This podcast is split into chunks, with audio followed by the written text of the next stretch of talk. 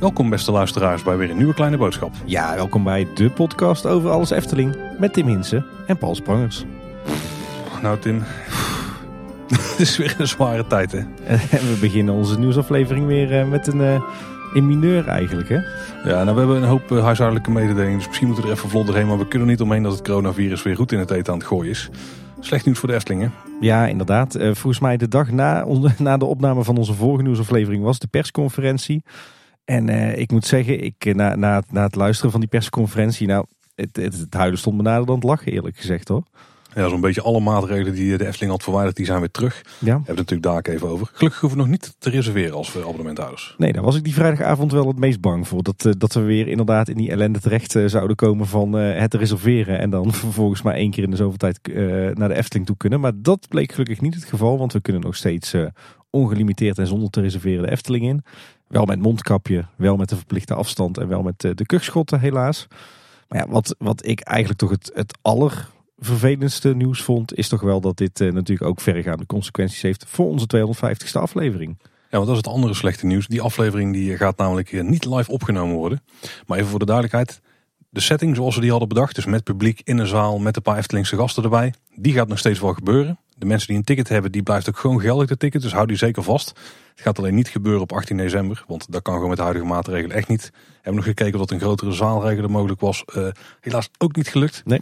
Dus we, we gaan het verplaatsen. De nieuwe datum weten we nog niet. Hangt nog uh, van een paar zaken af. Maar zodra we die weten communiceren we die uh, naar jullie. En iedereen die een ticket heeft. Dan kun je op dat moment bepalen wat je wilt doen. Ik baal er wel van hoor. We hadden er zoveel tijd, eh, tijd en energie in gestoken. Alles was afgetikt eh, met de Efteling, met onze gasten. Die hadden er ook al helemaal zin in. En op de valreep gaat het toch niet door. Ik, uh, ja, nee, ik uh, was uh, toch wel lichtelijk ongelukkig moet ik zeggen. Maar het gaat helemaal goed komen op een later moment. Ja. En dan maken we gewoon net zo'n toffe dag van als we initieel gepland hadden. Wat wel heel belangrijk is, is dat de dag dus echt gewoon doorgaat in de opzet zoals we hem hadden bedacht. Met dezelfde gasten. Uh, dus je hoeft uh, je niet bestolen te voelen. Nee, en wat we ook gaan doen. Uh, want we gaan er natuurlijk wel voor zorgen dat onze 250ste aflevering toch een memorabele aflevering wordt. dus we hebben een hele bijzondere aflevering die al op de plank klaar lag. Die hebben we iets naar voren gehaald. en ja, als gevolg daarvan is de 250ste weliswaar niet met jullie, onze luisteraars erbij. Maar wordt die volgens mij toch best wel spectaculair. En nog één ander belangrijk ding. Voor die live opname, dat wordt natuurlijk ook een aflevering. We gaan daar niet mikken op een mooi rond getal. We gaan hem gewoon zo snel mogelijk, als het kan, dan gaan we hem houden. Maar alles natuurlijk onder voorbouw van corona. Hè? Uiteraard, uiteraard. Dan ook wat goed nieuws, Tim. Bekker ja. Krummel is geopend. Ja. Afgelopen weekend eh, op 4 december is hij open gegaan. We gaan het er deze aflevering vrijwel niet over hebben. Nee, wie had dat gedacht? Nou, wel met reden, want eh, we nemen deze aflevering natuurlijk eh, van tevoren op op de donderdagavond. En aanstaande zaterdag, dus eigenlijk vorige zaterdag, als je deze aflevering luistert, uh, dan zijn we ook van de partij in de Efteling uh, bij uh, de opening van Bekkerij Krumel. En daar gaan we ja, eigenlijk weer integraal verslag van doen. Hè? Zeker, ja, het is een uitgeklede opening, dat weten we inmiddels wel. Als het goed we wel de kans om mensen te interviewen, maar dat ga je later deze week horen, want dan komt die bonusaflevering uit met het verslag erin. Ja, we gaan er inderdaad een hele extra aflevering aan wijden. Dus in die aflevering dan hoor je alles over Bekkerij Krumel, de ontwikkelingen van de laatste twee weken en wat er allemaal te zien is, wat er te eten en te drinken is en wat we ervan vinden. Dus hou woensdagochtend je podcastfeed in de gaten. Ja, of Spotify of onze website natuurlijk. Oh, dat mag natuurlijk ook. Dan moet je die tijd tot die bonusaflevering toch nog overbruggen. We hebben ook een nieuwe buitenwereld uitgebracht, nummertje 8. En die gaat over onze, het is inmiddels al lang geleden, zomervakanties. Ja. ik was een beetje laat met editen, maar hij staat inmiddels online. Ja, met uh, een uitgebreid verslag van jouw rondreis door Denemarken. Hè? En uh, ook nog uh, kort even over mijn bezoekjes aan Texel en Paradise. En de buitenwereld is natuurlijk onze, ons, een beetje ons hobbyprojectje hè? daarnaast, naast kleine boodschap. Wat dan op zichzelf ook alweer een hobbyprojectje is natuurlijk. Maar je vindt de buitenwereld als aparte podcast in je podcast app of Spotify. en we hebben ook een speciaal kopje ervoor op onze website. Dus als je hem niet kan terugvinden in de kleine boodschap feed, dat is de reden. Het is een aparte podcast met dezelfde host. En als je echt niet genoeg kunt krijgen van onze stem, dan heb je nog een optie. ja. Want we waren te gast in de podcast, in de Pure Mindset Academy podcast van Jerik van Nuenen. Ja, en uh, daar uh, kun je alles horen over onze liefde voor de Efteling. Ja, en je denkt misschien wie is Jerik van Nuenen nou? Maar je kan hem kennen uit uh, een van de afleveringen van de ja, toch wel favoriete YouTube-serie Efteling Fans. Ja, zeker. En vrij bijzonder voor ons, we knippen regelmatig in onze normale afleveringen. Dit was een one-taker. Ja, en wat mij dus opviel is dat we eigenlijk in die one-taker geen enkele fout hebben gemaakt. En eh, nadat we eh, die opname hadden afgerond, begonnen we aan de opname van een kleine boodschapaflevering. Met uh, Jerik ook, dus die horen jullie uh, begin volgend jaar. En eh, in de wetenschap dat daar volop in geknipt kon worden, ging het meteen ook weer helemaal fout. Dus het is toch wel typisch als wij weten dat we de wandteken moeten opnemen, dan lukt het ons om een foutloos podcast te maken. Maar zodra het dan niet hoeft, dan uh, pakken we ook die ruimte om onszelf continu te corrigeren, blijkbaar. Ik moest daar wel om lachen. Ja, of misschien is het wel het punt dat we geïnterviewd worden. En dat we gewoon onderspotte antwoorden moeten bedenken. Ja, nou, ik denk trouwens wel als je die aflevering gaat, uh, gaat terugluisteren van uh, de Pure Mindset Academy podcast. Dat je toch weer wat dingen over ons en onze liefde voor de Efteling leert die je daarvoor niet wist. Dus als je die wil uh, luisteren, dan vind je de link daar naartoe natuurlijk in onze show notes. En die vind je op kleineboodschap.com bij de aflevering. Hey, weet je wat nou leuk is? We hebben weer eens post gekregen. Ja, echte ouderwetse post. En dit is speciale post in, want er is mij beloofd dat hier drie dingen in zitten in dit envelopje. We hebben een envelop een envelop, net hoe je het wil noemen. En uh, er zitten dus drie voorwerpen in. Waarvan één voor jou is, één voor mij. Dat is heel duidelijk, heb ik me laten vertellen. Ja. En er zit er eentje in en die zouden we kunnen verloten. Of niet verloten, die zouden we kunnen veilen. En uh, de opbrengst daarvan die moet dan naar Villa Padus gaan. Een, een heel nobel plan wat mij betreft. Ja, en dit envelopje Tim hebben we gekregen van uh, Mariette en Erik Spierings. En die, uh, hebben een, uh, die hebben het goed op met Villa Padus.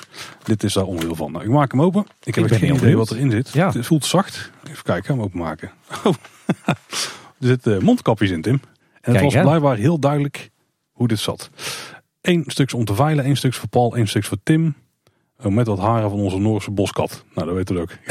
Groetjes Erik en Mariette. fris. Dankjewel. Oh, dit is wel vet. Oh, cool. Dat zijn gewoon echte kleine boodschapmondkapjes. Dat is vet. Met opdruk erop. Oh, oh het is inderdaad duidelijk wie wie is. Oh, denk, kijk. Dus onze namen staan er ook op. Ik denk dat het dan eh, voor mensen extra duidelijk is wie wie is. Nee, maar wij hebben er gewoon ieder twee. eh, Paul, zie je dat nou? Dat is vet. En we hebben er eentje zonder naam. En die kunnen we dan inderdaad mooi in de veiling gooien. Ik vind het wel heel tof. Ja, dit is echt heel tof gedaan. Ze zien er ook echt gewoon super mooi uit. Echt heel veel, eh, veel werk en aandacht aan besteed hier. Zeker. Heel vet. Heel Dankjewel. tof. Ja, super bedankt Erik en Mariette. En deze die we hier dus hebben, die gaan we dus veilen tijdens Kleine Boodschap 250. Dus wil jij een mondkapje, een hele chique, mooi glimmend met, eh, met meerdere lagen stof. Bij Kleine Boodschap 250 dan eh, kan die voor jou zijn. En de opbrengst die gaat naar Philip Padus. Ja, en je vergeet het, het belangrijkste eigenlijk, Paul. Want het is een, een mondkapje in kleine boodschap blauw met eh, aan beide zijden ons logo erop. Hè? En ook een relax. Het is zo eentje die niet om je oren gaat. Die gaat gewoon om je hele hoofd heen. Ja, echt super tof dat, dat onze luisteraars dit soort dingen doen. Echt heel gaaf. Daar word ik heel vrolijk van. Dank jullie wel. En als laatste voordat we gaan beginnen aan een follow-up. Ja, ik wil eigenlijk iedereen gewoon bedanken die eh, zijn Spotify raplijstjes heeft gedeeld. Want oh, ik denk dat we er echt tientallen, misschien wel tegen de honderd hebben binnengekregen. En eh, we scoorden vrij goed. Ik denk ook wel dat het komt omdat ze volgens mij de pure luisterminuten in veel gevallen checken. Precies, Dan ja. moet het sowieso wel goed. Ja, we zijn net overspoeld met, eh, met leuke berichtjes op social media. Ik had er een aardige dagtaak aan van de week om eh, al die mensen eh, persoonlijk te bedanken. Maar heel tof om te zien hoe, hoe hoog wij op de luisterlijst staan bij, bij heel veel mensen die ons volgen. Dus bedankt voor alle leuke berichtjes. Dan een follow-up Tim. Zullen we eens even terug gaan kijken naar aflevering 244, de vorige nieuwsaflevering. Ik was er vrij verbaasd over de paalwissel die ging verschijnen bij Archipel. Maar die stond gewoon op de conceptart van Sander. Dus dat had ik gewoon kunnen weten. Ik heb niet goed gekeken denk ik. Ja, ik heb inderdaad even de, de impressie eh, naar voren getoverd op de Efteling blog. En eh, ja, daar zie je hem toch echt tussen de hutjes van Archipel op een hele hoge paal zitten inderdaad. Ook rond eh, de wereld van Simbad kregen we nog een kleine tik op de vingers van Giertje 64. En die verbetert ons namelijk dat de vogel die afgebeeld is op de voorkant van de nieuwe plattegrond is eh, niet vogelrok, maar is een gier. En die kun je herkennen aan de kale kop. Ja, Al dus inderdaad. expert Giertje 64. Maar ze zitten ook in, eh, in de attractie zelf hè, bovenin. Ja, zeker. We hadden ook nog een korte discussie over de wachttijdnotificatie die in de app zit. En uh, Insider weet ons te melden dat hij er blijkbaar al sinds augustus 2018 in zit. Zo, Dat is al heel lang. Ja, precies. Ja, het ging dan om het. eh, als je in de app op een attractie klikt, dan zie je hoe lang de wachttijd is. Maar eh, je kunt ook de functie aanklikken dat je een notificatie krijgt als de wachttijd onder een bepaald aantal minuten is eh, gedaald. En ook nog een goede aanvulling op de nieuwe functie dat je kunt aangeven dat je wachttijd langer of korter was dan je had verwacht. Of precies wat je had verwacht. Dat kan niet voor de single rider wachtrijen. Ik kreeg trouwens ook nog een leuke, leuke aanvullende informatie over eh, de nieuwe spellen op de warme winterweide.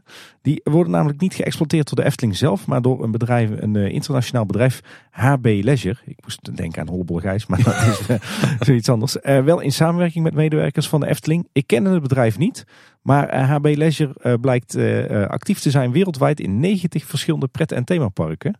En die richten zich dus helemaal op ja, game gallery-achtige spellen. En HB staat dan hopelijk toch wel voor Henk Beres of zo. Is dat een Nederlands bedrijf? Oh, wacht nee, ik heb het even gecheckt online. Het is uh, Harold Bird, een Engelsman. Kijk. En onze vorige aflevering was natuurlijk de aflevering over onze favoriete beeldjes. En we hebben van een hoop mensen mooie aanvullingen gekregen, maar ook een paar mooie aanvullende stukjes informatie. Een van mijn favoriete beeldjes was het wijzende beeldje tegenover de ingang van het Sprookjesbos, de Sprookjeswijzer. En ter gelegenheid van het 60-jarige jubileum is een remake van een oud beeldje daar neergezet. Dus het beeldje wat er nu staat is gebaseerd op een heel oud beeldje. En die stond in de buurt van de Soete Inwal. Ja, en uh, Bram Limberger, we kennen hem natuurlijk als uh, ja, de, de presentator van de Vijf Zintuigen in uh, onder meer de Europa Park video's. Die wist een foto van dat oude beeldje te herhalen. Die heeft het op Twitter gezet. En dan zullen we ook even naar linken in onze show notes. En dat is wel mooi om dan het, het oude beeldje met het nieuwe beeldje te vergelijken. En ja, die zijn vrijwel identiek hè. Alleen het nieuwe beeldje is natuurlijk mooier uitgevoerd. Ja, nog een paar favorietjes van onze luisteraars. Carlo Verschijnel die vindt het beeldje 10 jaar kindervreugde enorm mooi. Ja, snap ik. Een vrij klassiek beeld in dit geval. Ja, uh, Wouter van Noord kwam wat mij betreft met een hele goede aanvulling. Die uh, vindt namelijk de piekmuisjes in uh, onder meer het Sprookjesbos een absolute topper. daar ben ik het helemaal mee eens. En Joris die vulde ook nog aan dat dat ook zeker voor de verschillende eekhoorns in het Sprookjesbos geldt. Martijn Razenberg die kwam nog aan met Python Pietje. Dat is eigenlijk wel een hele goeie. Ook zo'n ja. die je heel makkelijk vergeet. Zeker, echt een outsider wat dat betreft. En Mark Dekkers die noemde nog het Smitje als een van zijn favorieten. Ja, dat is ook zeker waar. Een heel klein beeldje. Uh, Melvin Blootshoofd die kwam nog met het, uh, het Pardoesbeeld op de Pardoespromenade. Dat is natuurlijk ook een uh, klassieker die ook vaak als merchandise is uitgebracht. En Anton Maas die wees ons op de Oosterse figuur die bij de Indische waterlelies onder de gaande rij staat. die jou oh eigenlijk naar binnen wijst de grot in. Ook zeker een goeie. Ja. We hebben veel feedback van Martijn gekregen. Want Martijn Mostert die vond de Drinkenbroer enorm mooi. En dan vooral de winterse uitvoering. Want dat is natuurlijk toch dat heel veel beeldjes ook winterse uitvoeringen ja. hebben. En een andere Martijn die vond het beeldje in de gaanderij van de Zes Zwanen heel mooi. Dat is ook zo'n soort soldaatje of zo die daar staat. Ja, inderdaad. Heel nieuw, maar uh, absoluut een, uh, meteen al een klassieker. Uh, Geertje 64, we hadden het net al over hem. die wijst ons op de mysterieuze kraai in de kooi aan de Prinsenpoort. Dat is er ook zo eentje. Die moet je maar net weten dat hij daar hangt. Maar dat is inderdaad ook een hele bijzondere. Volgens mij heeft Giertje 64 wel iets met vogels in Efteling. Denk ik ook, ja. En eh, Dirk van Haren die uh, wees ons op de Tolteekse krijgers op het voorplein van de Piranha. Zeg maar. Ja? Die, uh, die twee enorme Inca-beelden hè, bij, voor het gebouw van de Piranha. Ja, hij noemde er eigenlijk bij dat hij het mooi vond dat als je dan Piranha uitkwam als klein kind. Dat je dan tegen die twee billen aankeek. Twee sets billen eigenlijk. Dat het toch wel een hoogtepuntje van de dag was. En waar de heksen op de heksenpoort altijd een sigaret in de mond hadden, hebben die altijd een uh, in de wil gespleten. hey, uh, Job van Tol, we kennen hem inmiddels als oppasser in Artis en ook schrijver van het boek De Oppasser. Die vertelde ons dat zijn favoriet natuurlijk de aap is op de apenmolen in, in Speeltuin Kindervreugd. Ja, Femma Markenstein die had ook nog een hele mooie, en die heeft ook echt wel gelijk in, een beeldje dat bijna niemand opmerkt, is de Cupido op de achtermuur van de kleine zeemermin. Dus inderdaad, die muur die je daarachter hebt staan, daar staat boven zo'n heel klein Cupido beeldje. Dit Cupidootje heeft al de hele geschiedenis van de fontein al meegemaakt. Vanaf 1954, toen die werd geopend als de Magische Liefdesbron. Dat is ook de reden dat Cupido er natuurlijk op staat. Uh, en daarna via de dansende dolfijn naar de kleine zeemermin die in 1970 er opwachting maakte. Dat is ook een hele goeie. Ja, dank jullie wel allemaal voor de, voor de hele toffe feedback. Uh, heel leuk om te zien wat onze luisteraars als favoriete beeldjes in de Efteling hebben. En dan door naar de hoofdonderwerpen, Tim. Bakkerij Krumel slaan voor de verandering een keertje over. Maar de wereld van Simbad, ik wil zeggen, dat gaat het hard, maar het begint een beetje, ja, een beetje rustiger aan te gaan hè, met de, de, de, vorderingen. Het begint een beetje te stagneren. Ja, dat lijkt het wel. Het is, het, is, ook een heel eind af, hè, dus dan heb je dat. Het gaat richting opening. Ja, ik weet altijd, je hebt de 80-20 regel. Hè. Die laatste 20% daar heb je 80% van de tijd voor nodig. Ja, precies. En ik denk dat ze ook omdat ze dan natuurlijk met veel uh, onzichtbare dingen bezig zijn. Hè. Waarschijnlijk uh, een hoop dingen die in elkaar worden gezet in het gildenhuis. Misschien ook wat, uh, wat installatietechnische en softwaretechnische dingetjes. De muziek, dat soort zaken. Dus, maar ook het groen.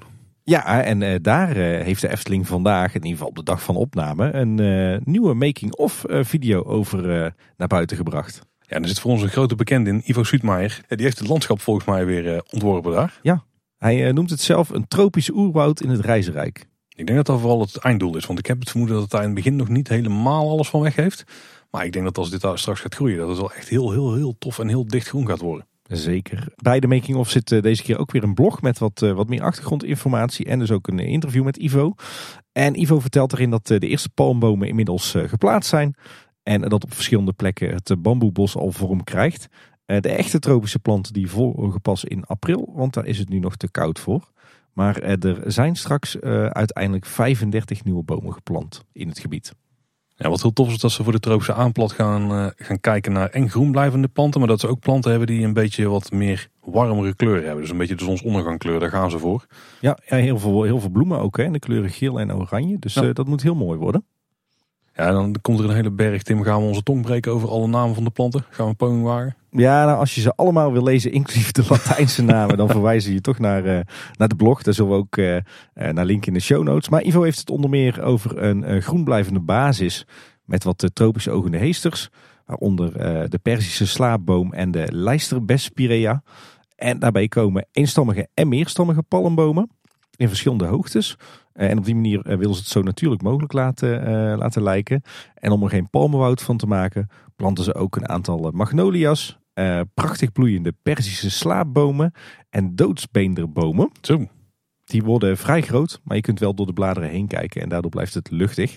Er komen ook nog bananenplanten en rijstpapierplanten. Die zorgen voor het, het oerwoudgevoel. En er komt een hoop eh, bamboe terug. Deels hergebruikt uit het avonturendolhof en deels nieuwe aanplant. Is wel leuk, want wij hadden zelf ook al opgemerkt dat er een hoop bamboe uit het doolhof tijdelijk op de speelweide lag opgeslagen. En zodra het voorjaar is en warm genoeg voor de tropische aanplant, dan komt de rest van de planten, waaronder uh, siergembers en uh, montbretias, wat dat ook mogen wezen. Nou, als mensen de Efteling beschuldigen van dat ze alleen maar dennenbomen planten, dan oh, valt het toch wel mee. Dit wordt een soort Adventureland in kaartzevel Ja, of bijna een soort Jungle Cruise of zo. Ja. Al hebben we nog heel even nodig voordat het echt zo dicht begroeid is als dat. Maar, dit, wordt, uh, dit wordt heel mooi hoor. Ja, zeker. Ik ben echt heel benieuwd hoe het over een paar jaar ook eruit ziet. Maar van wat we nu al zien van de beelden, want we hebben al vrij veel van de landscaping inmiddels kunnen zien. Het ziet er nu ook al wel tof uit. Zeker nu ze die bamboe aan het planten zijn, dan maakt de, de randen van het gebied echt wel wat dichter. En uh, dat is wel mooi om het een beetje ja, weg te zetten van, van de achtergrond, zeg maar. Dus, dus van de speelweide en het spoor. Ja, ik moet zeggen dat vooral ook die al wat meer eh, volwassen palmbomen, dat die ook wel heel wat doen voor de sfeer en de uitstraling hoor, van het gebied. Ja, zeker. Er zat trouwens eh, dus ook eh, niet, niet alleen een blogbericht bij, maar natuurlijk ook de, de making of zelf. Met daarin en dus ook weer een uitgebreid interview met, met Ivo en mooie beelden van de aanleg van alle landscaping. maar er waren ook wat beelden geschoten op, in het Gildenhuis bij de werkplaats van decoratie vormgeving. Daar zien we wat, wat decorateurs en vormgevers onder meer werken aan de manden die onder de kap zijn geplaatst van Sirocco. Maar ook aan het, het scheepje, daar gaan we het later nog wel over hebben. En er zat ook een interview in, een korte interview met Pim Martijn Sanders, de coördinator van de vormgeving. En die vertelde dat er op dit moment wordt gewerkt aan de figuur Simbad en aan zijn, zijn schip waar die op komt te staan. Ten tijde van het opname van het interview wel. Ik vermoed dat die al heel klaar is. Ja, dat denk ik ook. Het zou me niks verbazen als we die, die binnenkort ook buiten in het veld gaan zien. De muziek die eh, vermoeden we dat die ook al klaar is. Of in ieder geval dat die opgenomen is. Hij moet misschien nog afgemixt worden. Want René die had, zo, want René Merkelbach die had op zijn eh, Instagram feed weer een paar foto's geplaatst. Dat hij een inhaalslag aan het maken was voor twee projecten van de Efteling. Eentje daarvan dat moet wel Simbad zijn. En ik denk dat die andere dan nog Bekkerij Krumel is. Want die muziek zou die ook aan november ongeveer opgeleverd moeten hebben. Ja, en we zijn natuurlijk stiekem inmiddels al wel en tijdens de abonnementhouders previews even in Bekkerij Krumel wezen kijken. Ik zal er niet te veel over loslaten. Dat houden we voor onze bonusaflevering. Tim zit hier te eh, glunderen trouwens tegenover mij. Ja, precies. maar ja, de muziek en de soundscape van uh, Bekkerij Krumel, die is toch wel echt subliem hoor. En dat is niet het enige wat daar subliem is. Maar daarover over een paar dagen meer in onze bonusaflevering natuurlijk. En nog een ander opvallend puntje. We hebben gehoord dat Archipel na zonsondergang misschien wel gaat sluiten iedere dag. Ja, heel vreemd. Want eh, volgens mij staat het zo'n beetje heel archipel vol met, eh, met spotjes en verlichting. Het zou ook om de verlichting zijn. Zou het ook zijn dat kinderen zich dan misschien gaan verstoppen in om, om huisjes? Dat kan bij de avonturendolf ook. Ja, maar er hangt toch een bak licht in die speeltuin. Daar word je eng van. We gaan, we gaan het zien. Ja. We, we, kregen in ieder geval te horen dat het inderdaad om de, de veiligheid van de spelende kinderen zou gaan. Maar dan vraag ik me af waarom is er dan zoveel verlichting weggezet in, uh, in Archipel. Maar goed, we, we maken het vanzelf mee als we verder gaan kijken wat er gebeurt in een archipel. Het vergaande scheepje dat is geplaatst. Dus die katten die hebben we de vorige keer al besproken. En ertussen, ja, daar ligt dan het schip wat door midden is gebroken. Maar die kratten allemaal uit zijn gevallen. Ja, dat is echt een, een mooi ding geworden. Het is echt een, een Eftelingse kunstwerkje geworden. Hè? Ja, ja, met flink wat, wat krullen. Het heeft, het heeft in de verte wel iets weg van de schuitje van Polka Marine. Maar dan echt wel een Oosterse uitvoering daarvan. Ja, het moet lijken alsof het schip natuurlijk gezonken is en onder water ligt. Maar het zijn natuurlijk eigenlijk twee, uh, twee losse delen. Hè? Ja, zeker. Ja. En er, ligt ook een eh, soort evenwichtsbalk dwars tussendoor. Daar zou het uh, de mast van het schip moeten zijn. Ja. Waar je dan overheen kunt balanceren. En volgens mij komt hier straks wel water uh, omheen te staan. Volgens mij ook, ja. Ja, het is echt prachtig, uh, prachtig gemaakt, dat scheepje. Het, het is, voelt aan de ene kant heel erg oosters, maar aan de andere kant ook echt wel Eftelings. Met, eh, ja, het, het ziet eruit alsof het hele scheepje van, eh, van ruw hout is gemaakt. Hè, terwijl het is natuurlijk polyester. Maar er zit volgens mij ook, eh, ook wat, wat bladgoud in en heel veel verborgen details. Het ziet er echt prachtig uit. Ja, volgens mij op die plekken kwam natuurlijk ook wat elektronica, maar of in ieder geval wat Ja. leidingen. Dus daar Ja. gaat misschien nog wel meer mee gebeuren. Zeker voor een, een speeltoestel is het uitermate vrij uitgevoerd. En die plek waar het schip ligt, dat is een van die vlakken waar we het vorige aflevering over hadden. Die nog niet waren volgestopt met beton. Maar die ze inmiddels wel hebben afgewerkt. Want ze hebben daar nu zo'n in de ondergrond ingestort of zo. Of ingesmeerd. Ik weet niet hoe Ja. die precies aanbrengen. Maar Ja, het zijn eh rubbergranulaatkorrels. Dus zeg maar gewoon korreltjes van, eh, van rubber. En die, die verlijmen ze met een soort, eh, ja, soort twee componenten epoxy of zo. kennen we van nesten. Ja, inderdaad. En dat hebben ze overigens niet alleen rond het, rond het scheepje gedaan, maar eigenlijk overal in Nest waar nog geen beton of, of aarde was gestort. Ook rond, rond de hutjes bijvoorbeeld. En eh, in eerste instantie was dat eh, van die eh, typische zwarte valdempende ondergrond. Uiteindelijk hebben ze er ook een, een laagje op kleur overheen gesmeerd. Een groot deel daarvan is lichtblauw. Dus dat is denk ik waar straks het water komt te staan. Maar bijvoorbeeld rond het gestrande scheepje, daar, daar zien we die, die valdempende ondergrond ook in het geel. Wat weer mooi aansluit op, op het beton. Ik denk, je zegt net dat er water komt staan. Ja, ik denk dat ook het geval is hoor. Maar het is wel vreemd dat je ziet dat niet vaak toch. Dat ze die ondergrond gebruiken voor water. Want water Nee. natuurlijk al een beetje de inval. Ja, het lijkt mij wel dat het schip gewoon eh, met, die, met die kratjes en zo. Dat daar gewoon water omheen komt staan. Ja, lijkt mij wel. Ik ben ook benieuwd hoe dat gaat qua, eh, qua stukje onderhoud en algegroei en gladheid en zo. Maar ik kan me wel voorstellen dat het natuurlijk verplicht is. Hè, want er loopt die evenwichtsbalk eh, doorheen. Dus het is een speeltoestel. Moest trouwens wel lachen in de making-of van eh, de, de landscaping. Dus die, die net vandaag online is gezet. Dan zien we Ivo op een gegeven moment ook met een, eh, een werktekening staan van de landscaping. En dan zie je ook dat er inderdaad eh, op die tekening heel erg eh, eh, veel aandacht is besteed aan de verschillende vlakken en kleuren van beton. En hoe dat daar dan die valdempende ondergrond qua kleur en uitstraling weer op, eh, op aansluit. Dus daar hebben ze echt eh, heel veel zorg en aandacht aan besteed. We hadden vorige keer ook wat vreemde paaltjes aan hè, die er bij de entree stonden. Die een soort hek leken te vormen, maar daar stond niks tussen. Daar zijn ze ook met bamboe een soort hekwerk aan het maken. Dus daar, eh, die hebben wel een functie. Tim is niet alleen voor achteruitrijdende vrachtwagens. Nee, dat dacht ik inderdaad. Zo zagen ze er wel uit. Maar eh, blijkbaar komt er nu toch eh, een vrij harde afscheiding tussen Sirocco en de Archipel aan de voorzijde. Had ik eigenlijk niet verwacht. Ja, ze zijn sowieso op heel veel plekken nu allemaal netten tussen de hekken aan het monteren. Ja. Tot allemaal nog wel veiliger dan we hadden verwacht. Oh, voor, voor ons als ouders natuurlijk wel mooi. Hè? Als eh, de kinderen niet eh, aan alle kanten uit de speeltuin kunnen schieten. Dat is wel praktisch, ja. Ja, en verder wordt er, vooral, eh, wordt er eigenlijk vooral al gewerkt aan de afwerking hè, van, de, van de speeltuin, de waterspeeltuin. Eh, zo zien we dat tussen die, die houten kistjes die in het water komen te liggen, te liggen daar is nu ook een eh, polyesterkist eh, ge- eh, tussen geplaatst. Eh, wel mooi bruin en met, eh, met houtlook. Ziet er, eh, ziet er fraai uit. Ik denk dat we daar wel iets van een eh, speciaal effect kunnen verwachten. Mhm. Er eh, zijn ook overal ledspotjes aangebracht. Bijvoorbeeld op de hutjes. Eh, die worden ook al getest. Dus eh, die komen mooi in het licht te staan. Die schijnen veel al vanaf de grond, of niet? Ja. Die stonden in het plantsoen. Ja, Ja. oh, oké. We zien ook op heel veel plekken in Archipel en rond Archipel eh, speakers verschijnen voor de muziek. Dat zijn van die groene paddenstoelen. Hè. Die worden inmiddels ook mooi weggeplant in het groen. En er is ook volop gewerkt aan de bereikbaarheid van de, de vijf hutjes in Archipel. Zo zien we dat er tussen de hutjes onderling allerlei klim- en klautertoestellen worden geplaatst. Met planken en bruggetjes en balken en touwen. En zo is er nu eh, ook bijvoorbeeld een touwladder geplaatst eh, waarmee je naar een van de hutjes kunt klimmen. En eerder eh, hadden we natuurlijk ook al gezien dat er ook allerlei ladders en evenwichtsbalken naar die hutjes toe leiden. Dus het wordt nog een, een heel geklim en geklauter om straks in die verschillende hutjes te komen. Nou, in ieder geval zat te spelen. Dat is wel mooi, want ik was bang dat het een beetje licht eh, qua speelmateriaal zou zijn. Maar zeker als dadelijk de watereffecten erbij komen, dat volgens mij best wel een, eh, een, een tuin met flinke speelelementen. Dit wordt een hele vermakelijke en ook thematisch verantwoorde waterspeeltuin, ja. Eh, vooral de laatste hebben we graag. Hè? hey, zullen we naar de buurman gaan, Sirocco? Er zijn nieuwe doeken aangebracht in de overkapping van de meandering. Dus waar je onder staat te wachten straks. En die waren blauw-groen. Ja, en volgens mij worden die nog wel verfraaid hoor, met wat, eh, wat schilderwerk of uh, andersoortige decoratie. Want we hadden al eerder een, uh, een proefmodelletje gezien daar. En die was helemaal, helemaal in thema. Dus volgens mij gaan we hier ook nog een afwerklaagje krijgen. Ja, de nieuwe meanderingen, dus het, het, nieuwe stuk daarvan, maar ook het oude stuk daarvan, die is voorzien van netten tussen de houten palen en de bamboe. Maar ook rondom de schijf van de attractie zelf, daar hebben ze ook een nieuw hek geplaatst. En dat is ook dus voorzien van diezelfde veiligheidsnetten. Ja, ik vind er wel een vooruitgang hoor. Want voorheen stonden er ook wel paaltjes rond, uh, rond het draaischijf met een touw erin.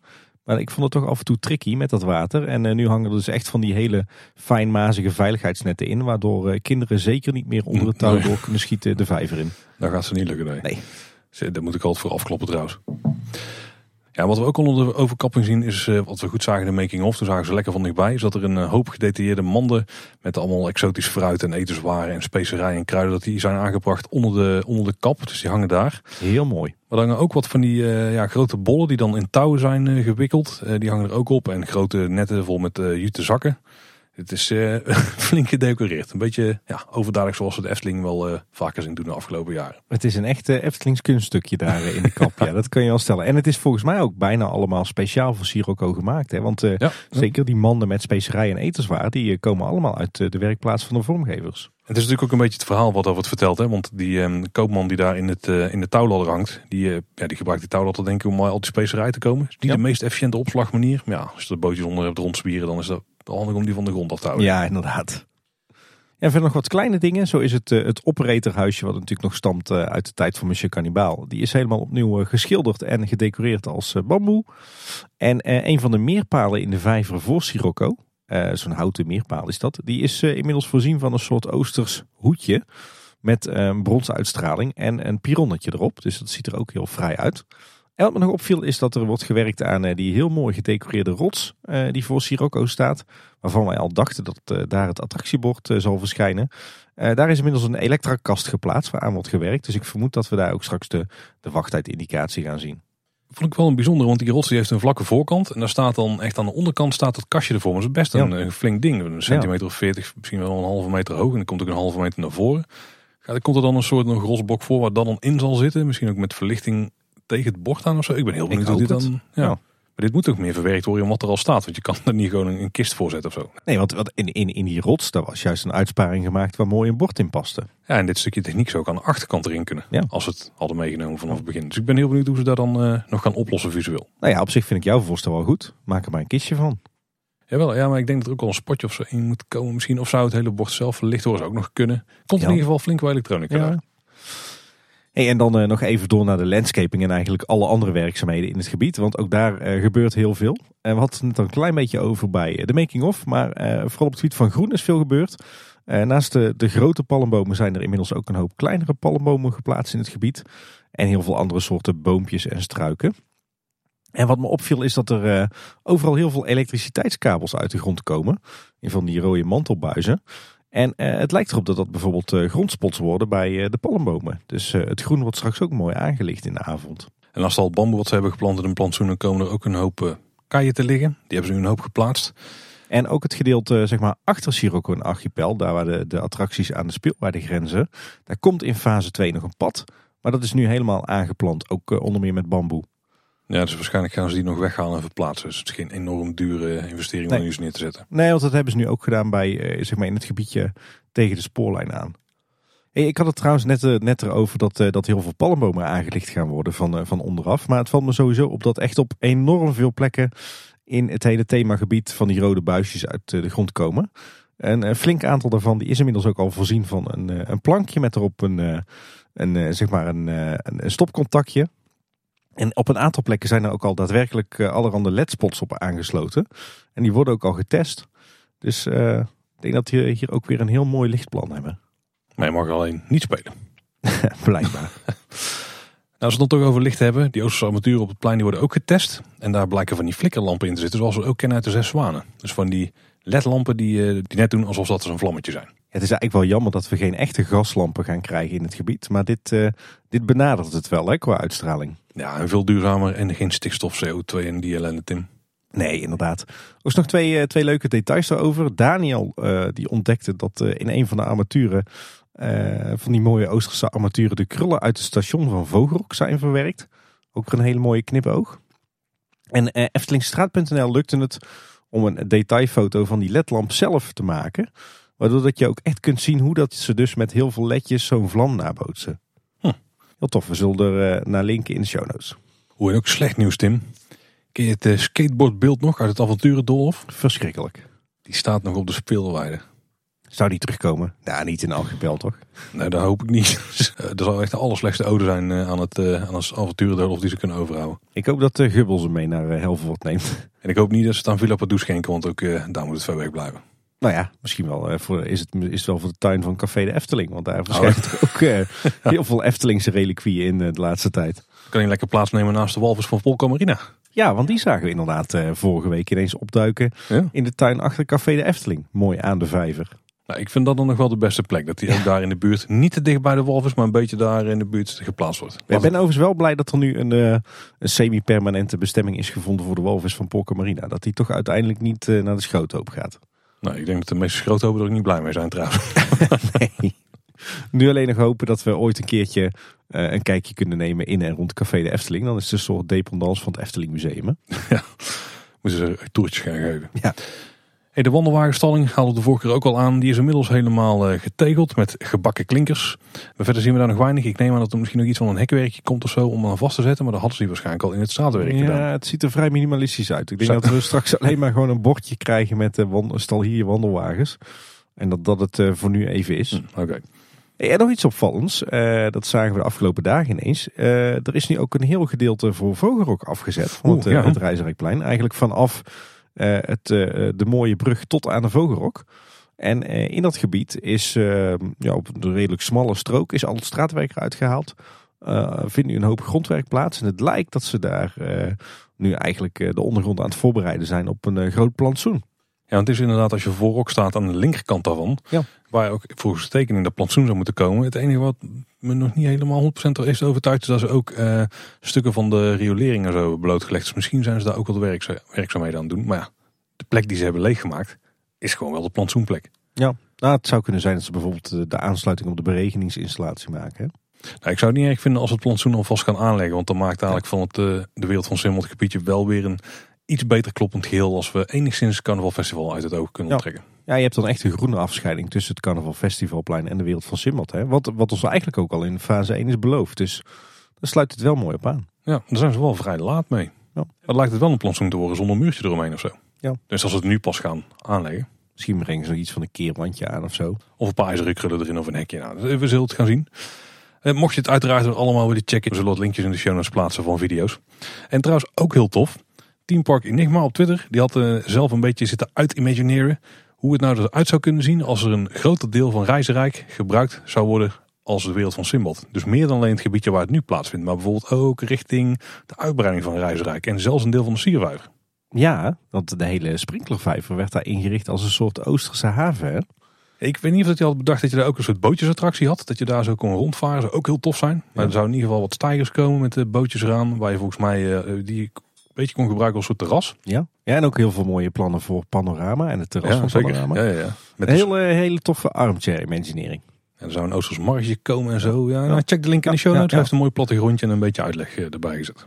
Heel tof. hey Paul, en ik wil eigenlijk toch wel heel graag door nu naar Bekkerij Krummel. Maar ja, Nee, dat mag niet Tim. Foei. oh, het was zo mooi. Je hebt het er net een kwartier over gehad en ik heb het er gewoon uitgeknipt. maar kon je niet stoppen ondertussen, sorry. Ik denk dat er ook iets anders is waar jij het graag over wil hebben. Ja, het, het volgende bouwproject, denk ik. Ja, hopen we, hopen we. Ja, want het eh, Dwarrelplein Hotel, we hebben het er al een paar keer over gehad dat daar iets eh, zou moeten gaan gebeuren, is nu bevestigd door Loopings.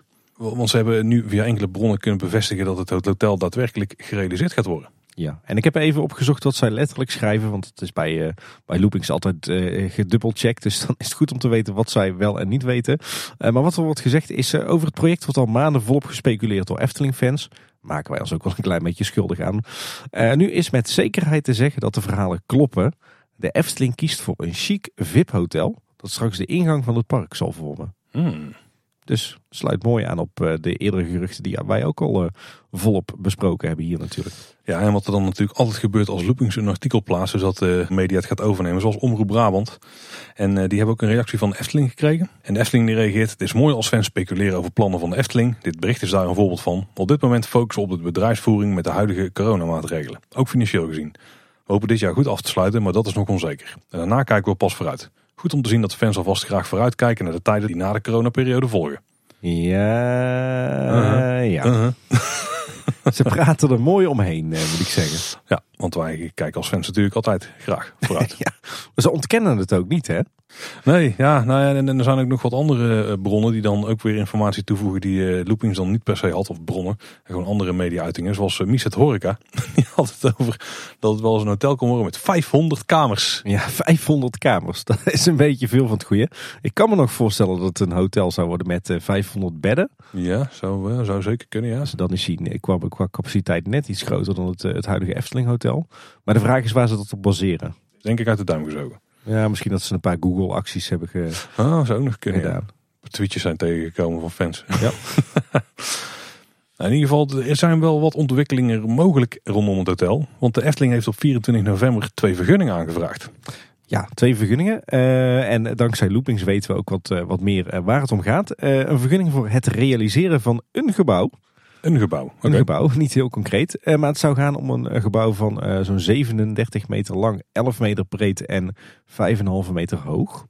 Hmm. En het verplaatsen van prefab units binnen de inrichting. Mooi dat de Efteling een inrichting wordt genoemd.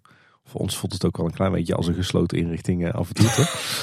Eh, en dat gaat over eh, een unit van 13 meter lang, 6,5 meter breed en 3,4 meter hoog. En ik vermoed dat dat de toiletgroep is die nu aan het uh, Dwarrelplein staat. Hè. Dat is een prefab toiletgroep, die kan je volgens mij heel makkelijk verplaatsen. Nou, sterker nog, ik heb gemeten en dit is exact de afmeting van dat gebouwtje. Dus dat is vrij zeker. Kijk, dat is duidelijk dan. Eh moeten we alleen nog even met de rolmaat de hoogte meten. Ja, die heb ik niet kunnen checken. Maar dat, eh, dat zou zomaar kunnen. Ja, en wat wordt dat gebouw dan? Waar zou het voor gaan dienen? Nou ja, als je kijkt naar het huidige facilitaire gebouwtje wat er zit. Hè, dus dat is waar je de wandelwagen verhuurt, waar je nu ook scootmobielen kunt huren. Waar de Souvenir Express zit en waar de Kennel ook zit aan de andere kant dan van het, eh, van het pand. Die is ongeveer ja, 25 meter lang, maar ook 11 meter breed. Eh, niet 5,5 meter hoog, daar haalt hij dan niet. Nee. Dit gebouw is soortgelijke grootte, maar dan nog iets groter. Ja, misschien een stukje horeca erbij. Ja, of, ze doen, of ze hebben meer ruimte nodig voor dezelfde faciliteit, zou ook kunnen. Maar het, het bijzondere van deze is, dit is het realiseren van een gebouw. Dit lijkt niet iets tijdelijks. Ja, weet ik niet. Want als je, stel je maakt een, een kop, gekoppelde set prefab units of zo, dan zou je dezelfde faciliteit namelijk ook prima aan kwijt kunnen, denk ik.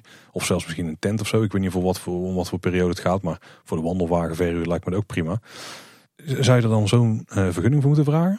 Ja, ik dacht in eerste instantie, toen wij de, de afmetingen nog niet kenden, dat, het, eh, dat dit misschien de aanvraag was voor het hotel zelf. Ja, maar Wat het is- gekund, hè, het realiseren van een gebouw. Maar goed, als je dan die afmetingen zo ziet. Dan houdt het op. Nee. Zeker de hoogte. Ja, ik, ik vermoed dat dit echt een, een, een tijdelijke locatie wordt voor al die voorzieningen. Eventueel een, eh, ook een tijdelijke vervanger van de vrolijke noten, zeg maar, van een stukje horeca. Maar is dat er wel een goede vraag? Komt er misschien dan toch een apart facilitair gebouw permanent te staan, los van het hotel? Het is ook 5,5 meter hoog. Dat is ook vrij hoog. Ja, kijk, als je een nok doet met een puntdak, Ja. dan heb je dat wel nodig. Ik denk dat de vrolijke noot wel 5,5 meter hoog is. En volgens mij is het iets kleiner qua oppervlak dan de vrolijke noot. Het zou heel vreemd zijn. Een, eh, nou, misschien moeten we het even omdraaien. Waarom gaan ze die prefab units weghalen? Omdat daar iets gaat gebeuren. Waarschijnlijk grondwerkzaamheden, zodat we uiteindelijk het hotel daar neer kunnen plaatsen. Ja. Of dat er in ieder geval een verbeterd dwarrelplein kan komen. Daarnaast zit, die, zit het facilitaire gebouw. Nou is het vrij zeker als de toiletten weggaan, dat dat gebouw dan ook weg moet gaan. Ja. En je wil natuurlijk als we straks daar met de grond aan de gang gaan, wil je niet dat je die faciliteiten niet hebt. Want die willen ze gewoon kunnen blijven bieden. Tenminste, dat- lijkt, dat lijkt me wel dat ze dat willen. Op zijn minst de wandelwagen verhuur Ja. en souvenir express en zo. Dus dan moeten ze het ergens anders gaan onderbrengen. Dan kun je dat dus doen met een tent of met eh, wat, wat prefab eh, units ook. Maar het lijkt me toch wel dat dat gebouw dan weggaat. En dat je dan eerder al de vervanger wil hebben. Zodat die, ja, dat je in één dag alles verhuist. En dat je dan gewoon op een andere locatie verder kunt gaan. Precies. En dan is alleen de vraag, gaan ze nu tijdelijk een gebouw eh, wegzetten en komen deze functies uiteindelijk in het nieuwe hotel? Ja. Of wordt dit een permanent nieuw gebouw waar straks die functies ook in blijven los van het nieuwe hotel? En misschien even één ding goed om te melden. We hebben ook de tekeningen gezien die bij de gemeente zijn ingediend. Die gaan echt helemaal nergens over. Dan hebben ze gewoon op random plekken op de parkeerplaats hebben ze gewoon die bouwblokken ingetekend. Maar dat is echt gewoon midden op de rijstrook en zo. Dat gaat echt niet in de werkelijkheid. Zo, En, ja, nee. Dat was volgens mij is er meer voor de schaal. en misschien ruwweg de plek waar het zou komen. Het zou ook kunnen dat bijvoorbeeld een gebouwtje meer wordt gerealiseerd aan de, zeg maar rechts als je het huis van de vijf zintuigen binnenkomt. Dat ze daar die faciliteiten gaan doen. Ja. Maar ja, Of, of toch meer op de korte kant van het parkeerterrein. Dus dan gaan ze wel een beetje interen op het beoogde uitbreidingsstukje voor het Sprookjesbos. Ik weet niet of ik dat er zelfs dan zo blij van zou worden. Nee. Wat ik wel heel tof vind trouwens, voor, want we zijn nu lekker aan het speculeren, dat het weer kan Tim. We hebben weer iets moois om over te speculeren. We hebben echt een enorm eh, bouwproject om over te speculeren inderdaad. De Efteling die zegt trouwens zelf, de vergunningen zijn aangevraagd ten behoeve van groot onderhoud aan de hoofdentree en de optimalisatie van die omgeving. Ook wel lekker vraag. Nou, deze week toch iets minder vaak, want de hoofdentrede neemt de Efteling heel ruim. Ja. Is niet alleen het huis van de vijf zintuigen, maar ook echt wel het gebied eromeen. En ze zeggen het ook letterlijk dat die, dat die omgeving eromheen ook bij hoort. Ja, dat is wel heel duidelijk. hè. Ja, het is allemaal heel vaag, maar ik, denk dat we er met, met, met eh, aan eh, zekerheid eh, grenzende waarschijnlijkheid, zoals het dan zo mooi heet, van uit kunnen gaan. Dat dit de eerste voorbereidende werkzaamheden zijn om uiteindelijk dat Warrelpleinhotel te kunnen bouwen. Want ik heb ook staan te kijken bij het Huis van de Vijf Zintuigen. Ze gaan er iets met de rieten kap doen. Hè? Ja. Dat is nog niet officieel bevestigd volgens mij, maar weten we in principe ook vrij zeker. En je kunt gewoon als je het vijvertje naast het Huis van de Vijf Zintuigen gewoon leeg trekt. Zoals we tussen het toiletunit zitten en- en het Huis van de Vijf Zintuigen. Dan kun je daar ook prima hoogwerkers neerzetten. Ja. Je, het gebouwtje kan gewoon blijven staan. Met die kap heeft het niks te maken. Nee, dit is echt gewoon plaatsmaken voor het hotel. Lijkt mij wel. Ja. Ja, dan is nog steeds wel de vraag, wat komt er in het grote gebouw? Eh gokje wagen, ik denk dat het echt een vervanger is voor het facilitaire gebouw. Misschien met wat aanvullende horeca. En als het een vierkantig gebouw wordt, een beetje kasteelvorm zeg maar. Hè, dan zou het eh, ook nog wel eens kunnen zijn dat er wat kantoren bovenin zitten misschien. Ja, misschien inderdaad wat dienstruimtes voor eh, de mensen die bij de entree werken. Ja, misschien een schaftruimte of zo. Of, is de schaft is de echte Brabants? Of? Ja, schaft is wel redelijk Brabants. ja. Ook redelijk de bouwsector, zeg maar. Daar zou nog kunnen, tenzij het een puntdakje krijgt, dan, nou, dan niet. Dan Ja. heb je die gewoon nodig voor de nok. We houden het in de gaten. De aanvraag is op 18 november eh, ingediend. En als je dan eh, uit zou gaan van eh, acht weken proceduretijd, dan zou die op 13 januari verleend worden. En dan hebben we nog zes weken bezwaartermijn. Dus dat zou betekenen dat je, nou, dit, dit voorjaar, dus voorjaar 2022, dat, dat er een schop in de grond gaat. Nu Loopings het nieuws heeft bevestigd, draait er geruchtenmachine op volle toer. En in Teamtalk besteden ze daar ook aandacht aan. Thomas en Maurice die halen een aantal eh, van de dingen die ze hadden opgevangen aan. Zoals dat het hotel een enorm gebouw zou worden. Zou uitmonden aan de Aquanura vijver. En dat die op verschillende plekken dan eh, terrassen zou krijgen op verschillende niveaus. Zodat je over Aquanura kunt uitkijken. Ja, echt eh, de, de VIP-experience, hè? Ja, in ieder geval als je daar in het hotel verblijft. Maar misschien dat je ook losse tickets kunt kopen. Dus dan hoeven wij er niet per se te slapen. Zou heel cool zijn. Ja, ik kan me voorstellen dat je er toch iets van een, een, eh, mooi restaurant in hebt zitten. Voor je hotelgasten, misschien ook voor je parkgasten. En dat je daar ook een mooi buitenterras hebt dat eh, uitkijkt op de Aquanura vijver. En misschien krijgen we de eerste bar echt aan de rand van de wereld van de Efteling. Dat je niet helemaal naar het hotel jezelf moet manoeuvreren. Ik hoor goede ideeën, Paul. Uh, dat zijn niet per se mijn ideeën. Die heb ik al heel veel van Europa Park heb ik gehoord. Als we nou zelfs even gaan kijken, Tim, wat zou nou wat ons betreft het ideaal hotel Dwarrelplein zijn? Of wat de naam ook zou mogen zijn. Hoe, hoe zou het er in elkaar steken? Welke functies zou het hebben? Want vooral de laatste ben ik ook heel benieuwd naar namelijk. Want Ga- gaan we nou gewoon even zelf armchair imagineren hier in Kleine Boodschap? ik zie dat er nog niet zo heel veel tijd op de teller staat. Dus we hebben wel even de mogelijkheid ertoe, denk ik. Het scheelt dat ik net een kwartier eruit heb geknipt natuurlijk. Even één ding vooraf. Loopings die meldt dat dit ook de ingang van het park zou kunnen gaan worden. Ja. Dus dan zou de kaartcontrole verplaatst worden. Laten we het hopen. Mag ik dan even op hoofdlijnen nog een ideetje pitchen? Ja. Als we even verder kijken naar de toekomst. We hebben we natuurlijk al zelf heel lang de droom van het uitrijk. Dat is ook een plan wat bij de Efteling al waarschijnlijk al honderd keer op de tafel heeft gelegen. Eh, we vragen ook iedere keer naar als we mensen spreken die er iets van eh, zouden kunnen weten. Maar die houden een kaak stijf op elkaar. Ik denk dat als we heel ver gaan kijken dat we hier misschien een tipje van de sluier van de toekomst van de wereld van de Efteling wel zien. Want de kaartcontrole gaat weg bij het Huis van de Vijf Zintuigen. Dat betekent dus dat het dwarrelplein openbaar gebied zou worden. Waar het hotel aan komt te liggen. Aan de linkerkant als je binnenkomt. We hebben natuurlijk dan vrij recht voor je hebben we het Efteling Theater zitten. Dat was het begin van het uitrijk met een Ja. restaurant ernaast. Maar ja, het ligt nou een beetje in een uithoek, dus het trekt niet alle mensen. Als je daar een hotel hebt liggen, eh, waarvan de mensen overdag het park in kunnen en waarvan ze s'avonds ja, in het hotel iets kunnen doen. Ja, die, die willen natuurlijk ook andere dingen doen. Dat is wel een van de meest gehoorde klachten volgens mij binnen eh, van bezoekers die eh, in de verblijfsaccommodaties van de Efteling zitten. Mensen op die plek, die hebben natuurlijk, ja, die zijn perfect om ook nog naar andere uiterrijk gerelateerde dingen te, te lokken, zeg maar, s'avonds. Die daar dan rondomheen zouden kunnen komen liggen. Maar dus ook bijvoorbeeld dit nieuwe gebouwtje waar we net al over hadden onderdeel van kan zijn. Met een horecagelegenheid. Bijvoorbeeld een afhaal iets van 10 bij 10 meter ongeveer. Of 10 bij 11 meter zou, zo, zou zomaar kunnen, het nieuwe gebouw. Zonder in te boeten op de andere faciliteiten. Ik, ik vermoed dat we straks het Huis van de Vijf Zintuigen een beetje... Misschien dat er zelfs in het Huis van de Vijf Zintuigen wel horeca komt. Misschien dat daar zelfs wel een nieuwe Efteldingen zou kunnen komen. Zou ook zomaar Ja. kunnen. Eh, dat er wel nog een ticketverkoop blijft. Dus daar kun je kaartjes kopen voor het theater. Voor eh, wie weet wat er nog allemaal meer komt. Soort ticket and transportation center eigenlijk. Hè? Ja, eigenlijk wel. Maar dan heel, dan is transport dus alleen maar met je benen naar de, naar de parken toe. En uiteindelijk naar je auto toe. Of eh, het OV. Ehm, en dat je dan links naar het originele Eftelingpark kunt. Rechts misschien naar een toekomstig tweede park. Of de uitbreiding van het park. Maar waar je dan wel een losse ingang voor hebt, zeg maar. En dan ben je in het uitrijk. Ja. Met hopelijk nog een, een, een entree richting eh, Bosrijk en het Loonse Land. Via de, eh, ja, eigenlijk een beetje zo achter het theater door. Dat is ook helemaal mooi zijn als we daar Ja. een toffe doorsteek maken. Want het is een openbaar gebied en dan kan het in één keer. Ja, ja ik, ik hoop altijd op een enorme uitrijk aan de westzijde van het park. Eh, maar ik moet zeggen dat dit plan voor uitrijk, wat jij nu uitvouwt, dat het toch wel wat, wat haalbaarder lijkt. Inderdaad, gewoon een, een relatief klein uitrijk. ge- ja, eigenlijk geconcentreerd rond het Efteling Theater en het Huis van de Vijf Zintuigen.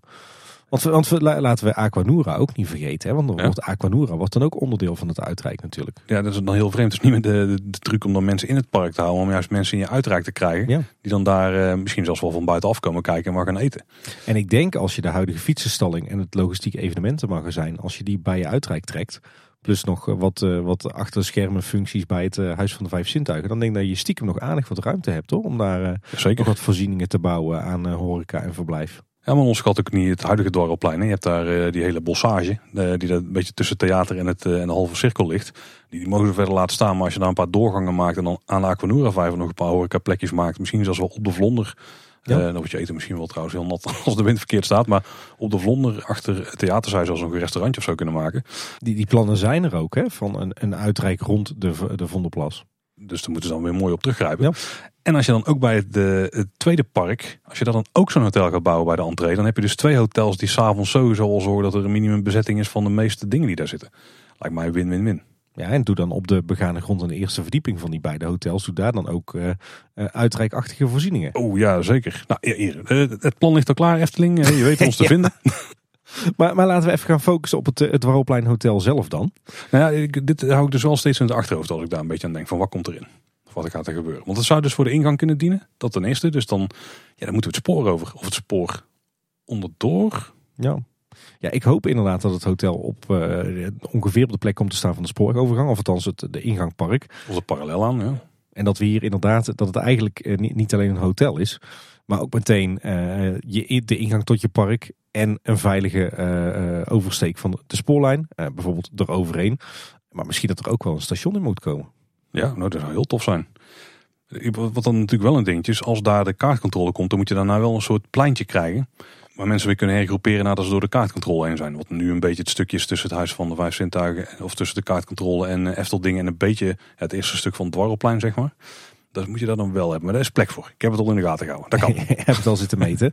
Zeg, waar ik wel op, eh, op hoop is wel een, een interessant gebouw. Liefst eh, met meerdere bouwvolumes, zodat je Ja. wat in hoogtes kunt, kunt variëren. hè. Dus dat je wat, wat lager begint bij het Huis van de Vijf Zintuigen. En wat lager aan de kant van het Sprookjesbos. En dat je langzaam maar zeker opbouwt naar een wat, wat groter bouwvolume en wat meer hoogte. Eh, en ik hoop eerlijk gezegd toch wel dat het niet te zeer eh, standaard kasteel en, en, en fantasierijk en symbolica wordt. Ik, ik hoop eigenlijk toch wel op eh, iets wat een beetje architectonisch kloppend is. Hè. Denk bijvoorbeeld aan een Baron 1898, denk aan een bekkerij Krumel. Daar, daar maken ze ook echt gebruik van bestaande realistische bouwstijlen, maar met een vleugje fantasie. Ik hoop toch wel op, op, op meer die richting. Daar zou ik weinig problemen hebben. Daar kunnen ze volgens mij best iets moois van maken. Overigens had eh, een luisteraar van ons Jari een eh, mooi ontwerpje op Twitter gezet. En dit was dan gebaseerd op het, eh, de stijl van het Huis van de Vijf Zintuigen. Dus met een complete rietenkap en een beetje meer organische vormen. Zag er heel tof uit. Ik denk alleen niet heel praktisch qua onderhoud. Want als je dat ook moet onderhouden, dan uh, onbetaalbaar. Volgens mij wordt het ook heel lastig om een enorm volume als wat dit hotel gaat worden. eh, tenminste, dit, als je het een beetje redeneert, dan wordt het een enorm gebouw. Om dat in de stijl van het Huis van de Vijf Zintuigen aan te kleden. Want eh, de tekening van Jari ontwerp was wel heel mooi. Maar dat was toch een, een vrij klein gebouw hoor. Wat hij daar tekende. Ja, en het leent zich ook niet echt om heel veel ramen te plaatsen. Je hebt het natuurlijk wel nodig voor het licht. Ja, het deed me ook wel denken aan Avalon en eh, de Flaming Feather en eh, Lord, Lord of the Rings een beetje. Daar had het ook wel wat van weg. Ah, ik vond het wel wel zo'n laatste touch hebben samen met Ook? een kruising met Ja, eh, van ja, Zintuigen. Nou, was in ieder geval heel cool. We- we- weet je op welke, welke architectuurstroming ik toch wel een klein beetje hoop in de Efteling? Oh ja, nee, dan weet ik het wel. Dan begint hij weer over Jugendstil natuurlijk. Ja. Als het dat wordt, dan, eh, dan breng ik een, eh, een, eh, een taart naar eh, de ontwerpafdeling van de Efteling. En dan boek je alvast de kamer. Gewoon Maar ik, ik houd bij een taart dan. Oké. Ik zou dat zeker mooi vinden, ja. Maar toch als het, ja... Ik, ik voel ook nog steeds wel iets voor ooit eh, dat er iets komt in Efteling dat je echt kunt verblijven in die piekse, in een piekse omgeving.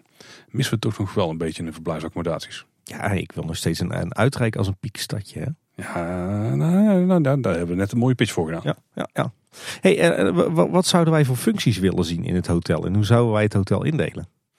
Oeh, nou ja, ik, ik, ik denk dat het een beetje L-vormig wel zou kunnen gaan worden. Eh, Ja. Het is vrij, wat tenminste, dat is een beetje ook eh, als we reading the tea leaves. Eh, het komt richting de Aquanura Vijver, dus laat het al als startpunt nemen. Dan zal het dus parallel lopen aan de spoorlijn, misschien deels eroverheen richting de parkeerplaats. Misschien zelfs wel een stukje aan de parkeerplaats. Ligt een beetje aan waar ze de entree doen, want er zal ook parkeerplaats bij moeten komen. Dus misschien dat ze die daar ook gebruiken. Of een kelder eronder, een kleine. Maar dat is al vrij snel vrij duur. En dan hebben we denk ik een uitlopertje richting het Huis van de Vijf Zintuigen. Want daar gaan ook die gebouwen natuurlijk weg. Betekent niet dat er heel dicht tegenaan gaat komen of moet komen. Maar het zou zomaar kunnen. Dus ik denk dat dan een beetje grofweg de vorm gaat worden. Er lopen iedere dag lopen er dadelijk dus duizenden, soms tienduizenden bezoekers langs. Ja, het lijkt mij een weggegooide kans als je er niet iets van horeca in doet en misschien wat winkeltjes of andere faciliteiten. Ja, wat, wat, wat ik zou doen, waar ik op hoop, is dat, dat zeg maar de, de kelder, de begane grond en de eerste verdieping, dat die echt eh zeg maar een dubbelfunctie hebben. Dus dat die uh, buiten openingstijden van het, het Eftelingpark uh, met name bedoeld zijn voor de hotelgasten, maar dat je die dus overdag ook kunt inzetten voor je daggasten.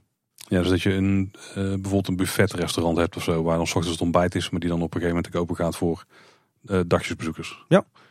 Ja, inderdaad. En je, kan nog verder denken. Je kan natuurlijk ook op een gegeven moment we gaan werken met zalen die je en kunt inzetten uh, als horeca voor uh, je parkgasten en als horeca voor je hotelgasten. Maar die je bijvoorbeeld in het laagseizoen ook zou kunnen inzetten voor conferentiedoeleinden. Ja, lijkt me ook heel slim. Want dat is ook natuurlijk een makkelijke manier om je hotel vol te krijgen. En zeker bij de Efteling. Combinatie congresje met parkbezoek. En overnachting en luxe diner. Doet het vrij goed, denk ik, ja. Ik verwacht trouwens wel dat we hier een kelder gaan krijgen, ook om wat ruimte te besparen. En aangezien het een heel luxe hotel gaat worden, vermoed ik toch dat we daar ook een zwembad gaan krijgen. Ja, nou, dus de kelder is dan een logische plek. En er zal natuurlijk ook een hoop techniek in komen te zitten. Misschien wat, wat diensten en personeelsvoorzieningen. Het lijkt me ook een ideale plek om de nieuwe kennel in te verstoppen. Ja, maar aan de andere kant, misschien dat ze die dan toch lostrekken. Zeker omdat ze daar een gebouwtje voor gaan optrekken. Aan de andere kant, het gebouwtje kan ook wel tijdelijk zijn.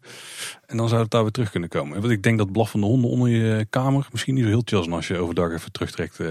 Eh. Daar hebben ze tegenwoordig iets voor, voor, voor uitgevonden. Hè? Geluidsisolatie. Ja. en, en, en wat er denk ik trouwens ook nog in moet, is de, de sprinklerpompen. Eh, die eh, zeg maar het, het water uit de Aquanura vijver in geval van brand naar het Huis van de Vijf Zintuigen pompen. Die zitten nu in een enorme bak eh, onder het warrelplein. Ter hoogte van de wandelwagen uh, verhuur. Die zal er ook weg moeten. Nou, die kan je ook mooi meteen in die kelder kwijt. Pinautomaat hoeft er denk ik niet in. Ik weet niet hoeveel die nog gebruikt wordt. maar de kluis zal wel verdwijnen, vermoed ik. Gelukkig. Zou ook wel een functie in het Huis van de Vijf Zintuigen kunnen worden. Ja, dat je nog ergens inderdaad een klein... Uh, Misschien bij de gastenservice automaatje hebt, ja. ja. Dan zullen ze denk ik daar liever weghouden. Het is bij mij in ieder geval lang geleden dat ik uh, uh, een flappentap gebruikt heb. Het heel lang geleden, alleen op vakantie om, buiten, om niet euro's te pinnen. je zegt net trouwens die kelder. Wat natuurlijk interessant is, is dat de parkeerplaats een stuk lager ligt dan de plek waar dit hotel komt te staan. Dus als je die gewoon uitbouwt, dan heb je bijna een kelder voor niks. Um, dan kun je gewoon een, een zeg maar, begane grond van uh, de parkeerplaats zou dan gewoon de, het kelderniveau kunnen zijn. Ja, en dat is wel heel slim, want dan heb je eigenlijk relatief goedkoop bijvoorbeeld uh, misschien wel een uh, soort van parkeerkelder. Ja, ja, ja, ja, het ligt eraan hoeveel die naar voren komt. Je kunt er dan niet superveel auto's in kwijt. Ook, we kunnen trouwens ook wel een, bijna een aanname doen van de breedte van het gebouw, zal ik te denken. Want als het een vleugel wordt met kamers, dan zullen die dus aan beide kanten van een uh, gang komen liggen, neem ik aan. Ja. Uh, dus dan zal het gebouw, ja, hoe, hoe, diep is een hotelkamer? Een meter of zes, zeven? Ja, max.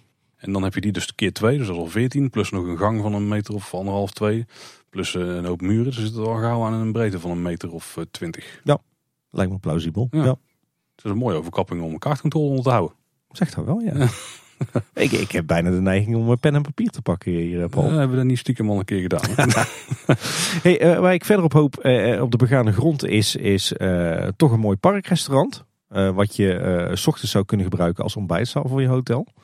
Maar wellicht ook een uitgiftepunt voor koffie en broodjes. Wat dan uh, aan de buitenzijde zit. Dus dat vervangt dan meteen die tijdelijke horeca op het Warrelplein. Ik denk dat ze niet zonder kunnen. Ik denk dat ze er ook een mooi terrasje voor kunnen maken. Ja. Wat, wat uh, heggetjes ervoor. Om het een beetje af te scheiden van het lopend volk. Want je moet er wel een nieuwe looproute creëren. Want die zal denk ik misschien iets meer over de halve cirkel heen gaan. Er zal misschien één boom of zo over moeten sneuvelen om, die, om dat pad te maken. Uh, met het dwarrelplein dient dadelijk niet meer als ontvangstplein. Dus je kunt er andere dingen mee doen. Ja. Ik hoop trouwens ook wel op een uh, mooie, riante toiletgroep onderin oh. uh, het, uh, het hotel. Ik ben voor. Ja. Um, ik, ik zou in een zijvleugel ook, ook bijvoorbeeld de verhuur van wandelwagens, scootmobielen en Souvenir Express onderbrengen. Aan het Warrelplein. Ja, voorlopig is het eigenlijk nog wel het meest logisch. Als daar nog de plek is waar al, al het volk ochtends langskomt, ja, dan wil je die ook wel in die hoek hebben daar, denk ik. Ja. En, en ik zou dat restaurant op de begane grond zou ook dan wel minder luxe maken. Zodat je dus ook echt overdag gewoon kunt gebruiken voor je daggasten. En je vertrekkende gasten naar een dagpark. Dus, dus niet meteen daar het bediend restaurant, wat je voornamelijk op je hotelgasten richt. Maar juist dat wat meer, zeg maar, uh, low profile houden. Ja, en als je het dan een beetje grof eh, bekijkt, je hebt dan een L-vorm. Nou, de, het stuk van de L dat ligt aan de parkeerplaats. Daar zou dan de faciliteiten in kunnen Ja, komen. ja. Dan heb je eh, de lange poot van de L, maar die wordt natuurlijk gesplitst op de begane grond door de entree-overgang. Want aan de rechterkant ervan heb je dan een stuk richting Aquanura-vijver. Daar zou het luxe hotel kunnen komen, misschien met een, met een grote zaal eronder of zo. En dan links daarvan dus meer het, het restaurant plus een lobby en, zo, en dat soort faciliteiten. En dan links daarvan meer richting de parkeerplaats. Een zwembad is dan logisch. Hè? Ja. Ja. Ja. Nou, we hebben het al bedacht bij deze. Eén vraag, waar laat je dan het inpandige station? Ja, daar zal dan een rand van komen, denk ik. Ik denk dat het niet echt inpandig zal zijn. Ik denk dat het een beetje vergelijkbaar dan wordt met het eh, station de Oost. Denk dus dat je aan de achterkant Ja. overdekt wel in kunt stappen met een wachtperron. Maar daar zullen ook de mensen vanuit het park in moeten kunnen stappen, denk ik. Dus dan zal er aan het pleintje daar misschien een toegang toe komen. Ja, misschien meer aan de andere kant, hè, aan de parkzijde. Als we het ook over het station hebben, hoe gaan we dan eh, over het spoor heen? Want als iedereen daar, eh, je kunt niet een kaartcontrole hebben dat je daar meteen eh, met je voeten op de stalen rail staat. Daar moet iets mee gebeuren. Ik denk dat wij als voetganger omhoog gaan. Want het, Omhoog. Ja, ik denk dat het, het lastig is om een stoomtrein van dit kaliber grote hoogteverschillen te laten maken op zo'n kort traject. Dus ik denk dat die gewoon op het huidige niveau blijft liggen. Ik denk dat wij gewoon met een hele flauwe mooie trappartij met natuurstenen trappen langzaam maar zeker wat omhoog gaan. Dat de kaartcontrole dus eh, al eh, boven het spoor zit. En dat we dan langzaam maar zeker afdalen het park in. Oké. Want Dan moet je dus al een gat maken zeg maar, van twee verdiepingen in je hotel. Ja. Om en over het spoor te kunnen en dat je er überhaupt nog kunt lopen. Dat niet iedereen strui- eh, kruipend over het spoor, eh, Ja. over de brug. Ja, we gaan de grond in de eerste verdieping dan. Hmm, dat is wel onhandig met kamers en zo die erboven zouden zitten. Ik ben benieuwd. Ja, de, de- de tunnel is ook weer, dan gaat het te ver hè? Tunnel is, eh, is duur, is lastig in onderhoud en beheer. Is, Nee, en je eh, hebt dan ook geen plek waar je het park in kunt met groot materiaal. Ja. Zou je- ja, dat heb je nu met een brug natuurlijk ook niet. Dat is ook wel interessant. Hoe zouden ze dat dan doen? Vanaf het parkeerplaats over het zijwegje gewoon. ja, via de dienstweg. Die zou ze dan ook wel iets moeten aanpassen, denk Ja. ik. Dat is ook nog een interessante ding. Want als ze dit gaan bouwen, dan, ja, dan, dan, dan is de hoofdingang naar het park, nu de hoofdentree, eh, dus bij het spoor, die moet dan dicht. Hoe gaan we dan de Efteling in komen?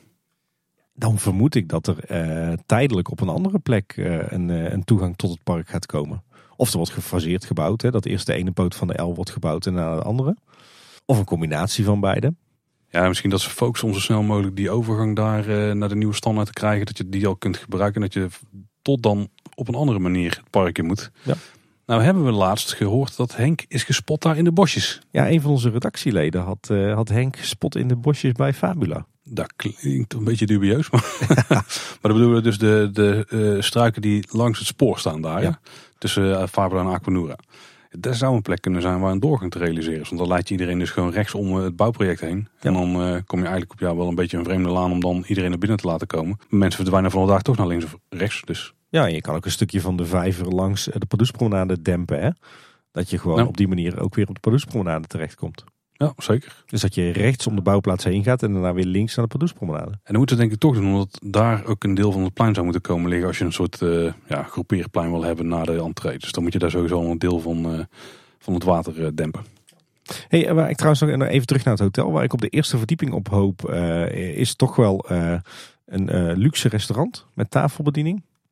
Ook een buffetrestaurant, dus wat meer low profile, maar wel weer op die hotelgasten gericht. En dat zou je dan ook kunnen gebruiken als ontbijtrestaurant of als conferentiezaal. En ik hoop dat we daar toch ook een bar gaan krijgen met uitzicht op de Aquanura-vijver. Ja, ik hoop dat het restaurant ook wel uitzicht over Aquanura heeft. Ik denk dat er ook wel eh, hele dure tafeltjes gewoon worden daar eh, aan het raam. Met veel glas. En dan een bar natuurlijk daar, misschien nog een verdieping boven. Dat je nog meer uitzicht hebt. Ja, lijkt me heel vet. Ja. Ook echt wel de perfecte plek voor een, eh, voor een bar. Want het Efteling Hotel nu, dat is leuk. Maar ja, daar moet je echt gewoon heen gaan nog. Als je het park uitkomt, dan kun je niet gewoon inlopen. Ja, deze bar moet de gelachkamer doen verbleken, toch? Zeker, ja. Ondanks alle historie en de nostalgische gevoelens daarbij. Die mag gewoon blijven zitten. Ja. Totdat ze heel de begane grond van het huidige hotel gaan verbouwen. ja, en dan moeten er kamers in komen. Nee, Ja. het, het is een Efteling hotel, hè, dus er zullen zeker familiekamers komen. Maar het, het wordt wel luxe, het wordt chic, het wordt VIP. Dus ik, ik verwacht een mix van een beetje de, de standaard vierpersoonskamer, misschien ook de zespersoonskamer voor de grotere gezinnen.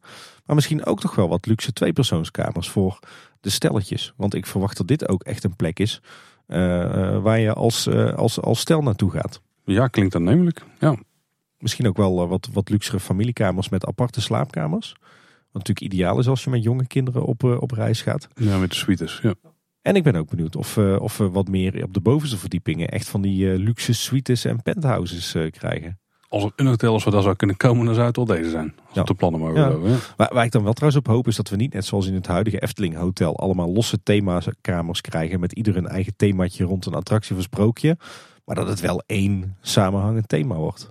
Ja, genoeg om naar uit te kijken in ieder geval. En, en het plein moet natuurlijk ook wel vanaf het Huis van de Vijf Zintuigen volledig uh, opgeknapt worden. Hè? Dat moet gewoon stiekem het begin worden van het uitrijk. ja. Of het tweede begin van ja. het uitrijk. genoeg om naar te kijken, Tim.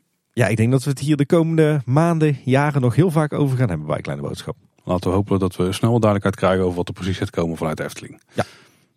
Maar er zijn niet de enige geruchten die rondwaalt, Tim. Nee, inderdaad. Want we hebben het er al eerder over gehad dat er ook wat geruchten gronsden over de toekomst van het spookslot. En Maurice en Thomas van Team Talk, we hadden het al eerder over ze, die uh, hadden in hun laatste aflevering uh, niet alleen geruchten over het Warrelplein Hotel, maar ook over de toekomst van het spookslot. Ja, ze waren daar flink over aan het speculeren ook. Ook hun al duidelijk was geworden dat het spookslot zou gaan verdwijnen en dat de vervanger mogelijk opent in 2023. Ja, betekent dat we, uh, denk ik, nog toch wel even van het spookslot moeten genieten zolang het kan. Dus wacht er niet te lang mee om nog even een keertje in het spookslot te gaan, zou ik zeggen. En het zou een indoor attractie worden, dus overdekt. En multimedia zou een grote rol spelen. En het, en het zou uniek zijn in Europa. Dat is dan wel weer mooi. Ja, multimedia hoeft niet per se. Ik denk dat de Efteling daar wel iets moois van zou kunnen maken. Ja, inderdaad. Ik hoop dat het dan niet een, een, een, een schermenattractie wordt à la standaard Universal of een typisch Flying Theater. Maar dat is geloof ik al bevestigd, hè, dat het dat niet wordt. Ja, als ze multimedia kunnen, kunnen mengen met, met fysieke ervaringen en effecten en, en ze gebruiken het gewoon als middel om een verhaal te vertellen. Ja, dan kan het wel eens heel goed uitpakken. Ik denk zeker dat het kan. Ja, dan gaan natuurlijk ook wel geruchten rond dat, het, dat Intamin de leverancier zou kunnen zijn van het ride systeem. Ja. Heel veel mensen die gaan daarbij meteen naar een droptoren. Een kleine droptoren zou kunnen, maar verwacht hier echt geen, geen hoge wonder. Maar het zou ook een van de andere attracties kunnen zijn die iets met media te maken heeft. Hij zou uniek zijn in Europa, dus... Dan is het zeker geen droptoren. Ja, de, droptoren combi met media zou daar uniek genoeg zijn? Denk ik niet. Ja. Intamin heeft wel wat dingen dat je in een soort droptoren zit met een scherm wat meevalt. Ja, ik denk niet dat het gaat worden. Nee, ik zet die droptoren lekker op strookrijk. Ja, plus ik denk dat capaciteit technisch ook echt niet uithaalt om zo'n attractie neer te zetten. Want dat is met vrij beperkte bankjescapaciteit. Volgens mij heb je dan vier bankjes met acht personen met een scherm ervoor. Load-unload, uh, daar gaat helemaal niks nee. Ik weet niet in hoeverre we hier moeten gaan speculeren, Tim, want de uh, details zijn schaars. Ja. Um, maar ik zou het niet meteen afschieten dat de volledige hoofdshow zou gaan verdwijnen. Ik bedoel, we weten wel dat dat natuurlijk uh, qua brandveiligheid misschien niet helemaal, uh, nee. dat niet helemaal hedendaagse standaarden volgt.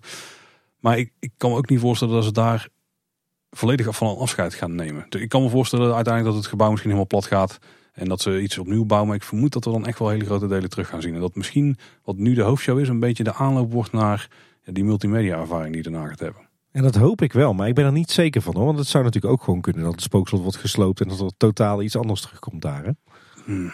Ik, ik heb wel zo'n vermoeden dat er wel een spookslot vervangen gaat worden. En dat er niet een Pandagor of uh, Max en Moritz uitbreiding of zo gaat worden. Nou, nou, wat ik dan hoop, zonder, dan, zonder heel erg te gaan armchair imagineren, is dat als het spookslot plat gaat en er komt een volledig nieuwe attractie, dan sluit ik me ook aan aan jou, dat het dan wel ook een ode wordt aan het spookslot. Dus dat we een deel van de buitengevel terug gaan zien, uh, zoals we die nu kennen. Uh, misschien wel um, vervolmaakt met de plannen die er ooit voor station Halfweg ja, waren. Ja, zou zeker kunnen. En inderdaad dat er heel veel elementen uit het huidige spookslot terugkeren. Wat je al zei, elementen uit de hoofdshow, de figuren, de muziek. Nou, met name de muziek. Ja. Dat, dat, kan gewoon niet zonder. Ja, dat moet toch. Ja. Zou wel gaaf zijn, zeg. Het, het, het, huidige verhaal en thema van het spookslot recyclen om er een, mm. Een hedendaagse mm. attractie van te maken. Mm, het huidige verhaal is daar zo sterk. Dat, zou zo wel wel wat mee. Nou, misschien met de karakters dan. Ja, met de tuinman en zo, dat klinkt nog steeds een beetje als een slecht amateurtoneel. Daar moeten ze even wel een, een, een goede nieuwe versie van maken. Ja, maar Visculamia is wel vet, dat heeft wel potentie. En Esmeralda. En, uh... ja, Esmeralda is dan een minder catchy naam, maar Visculamia is een goede naam. Maar de, de karakters mogen zo verder nou, ik denk dat het wel een rework kan gebruiken. Ja, maar, maar weet je wat? We hebben het net al uitgebreid over het Dwarrelplein Hotel uh, gehad. En wat we daarvan uh, hopen. Laten we dat niet uh, ook nog eens over het spookslot doen. Dat doen we dan wel weer in een andere aflevering. Ook hadden we ook nog over het spookslot een leuke vraag gekregen van Marcel Gremme. Die schreef, ik vroeg me af of het ontwerp van het spookslot in de Efteling wellicht is gebaseerd op de oude kasteelruïne in Loon op Zand. Ik zie namelijk overeenkomsten. Wellicht dat Tom van der Venner wel een verwijzing in verwerkt heeft naar het stukje geschiedenis uit de gemeente waar de Efteling ligt. De kasteelruïne heeft op nog geen anderhalve kilometer van de Efteling gelegen. Het was een kasteel in aanbouw, wat overigens nooit is afgebouwd. Niet te verwarren met het Witte Kasteel in Loon op Zand. Eh, en hij heeft er een linkje bij gedaan naar eh, een, eh, een, een hele oude website. We zullen de, de link ook opnemen in onze show notes. En ik heb het nu voor me. Ik, kende jij dit kasteeltje? Ik had er nooit van gehoord. Op zich ook niet zo heel vreemd, want het is in 1948 afgebroken. Maar als ik de foto zo zie, dan doet het me inderdaad wel een klein beetje denken aan het spookslot van de Efteling. Zeker de toren. Ja, een paar elementen die zien we inderdaad wel terug. We hebben de toren en we hebben ook een soort de, de ingang eigenlijk. Met raampjes ook erboven. Nou, eigenlijk de globale indeling die komt wel redelijk overeen.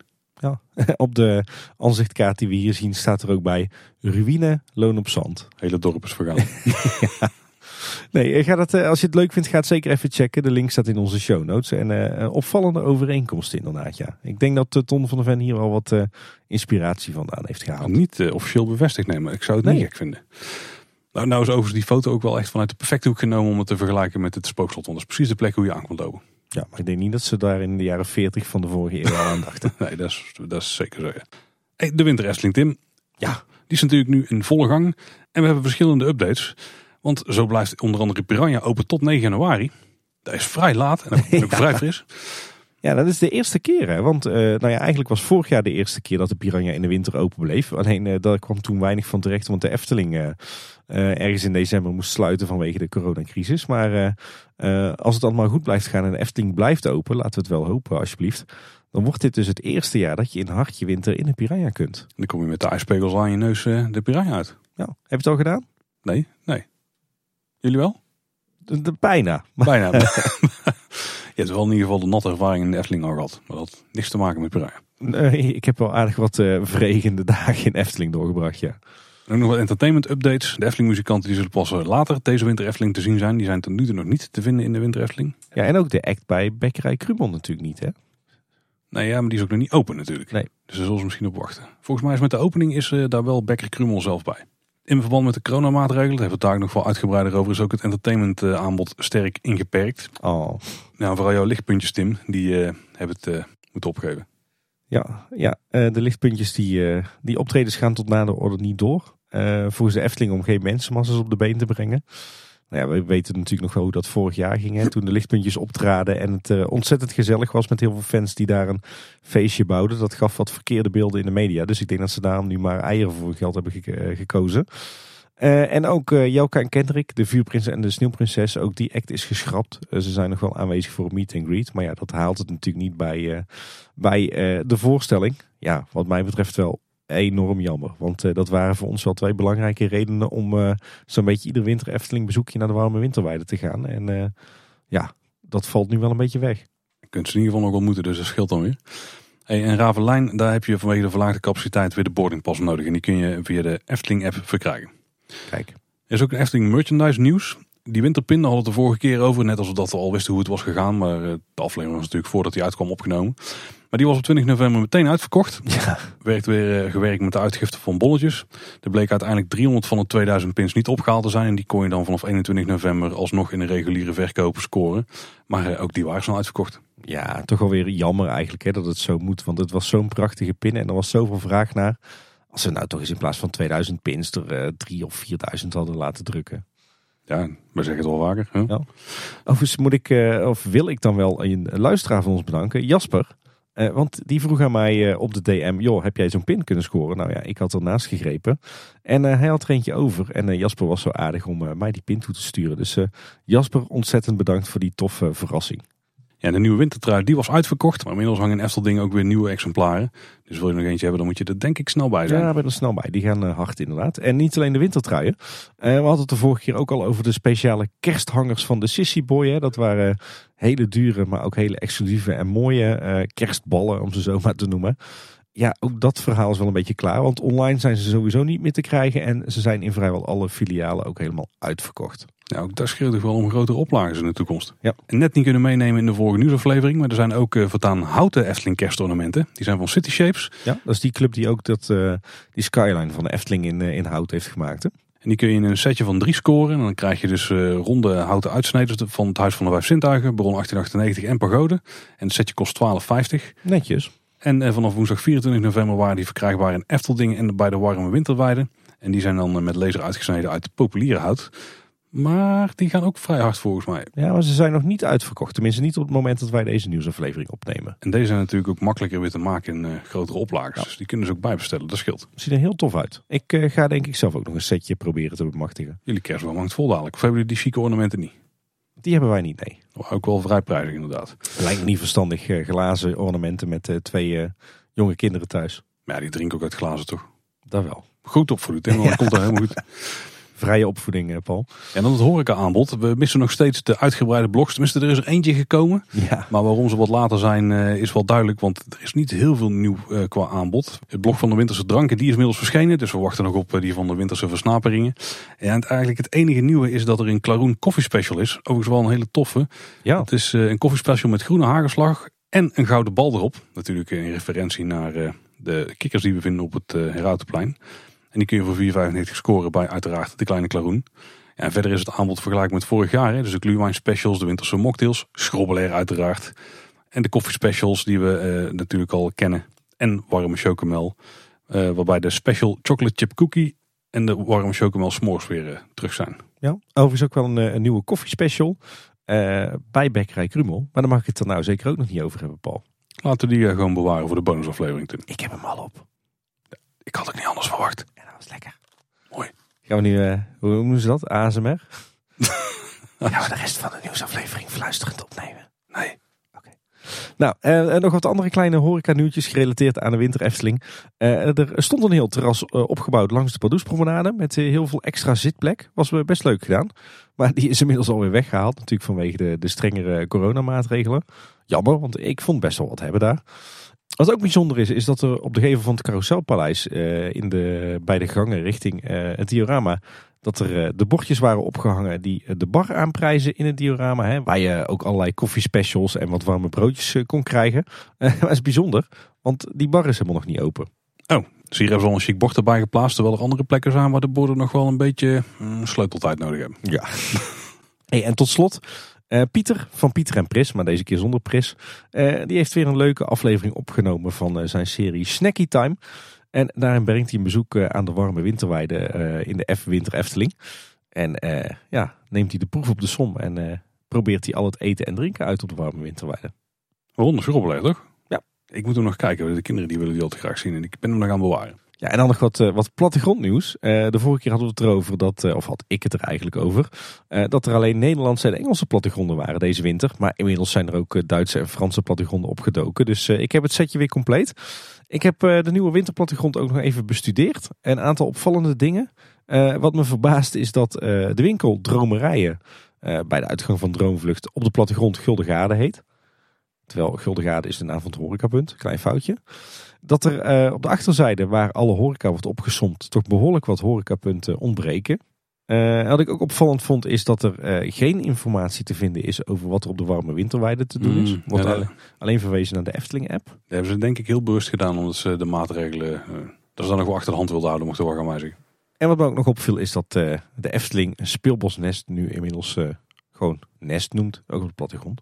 De branding heeft zijn werk gedaan. Iedereen die weet dat Nest een speelbos is. Precies. Denk ik. Het gaat ook de goede kant op met de beplanting in het park. Ja, want eh, tegen alle verwachtingen in eh, is inmiddels het, eh, zo'n beetje het hele park voorgeplaatst met allerlei bakken en manden en schalen.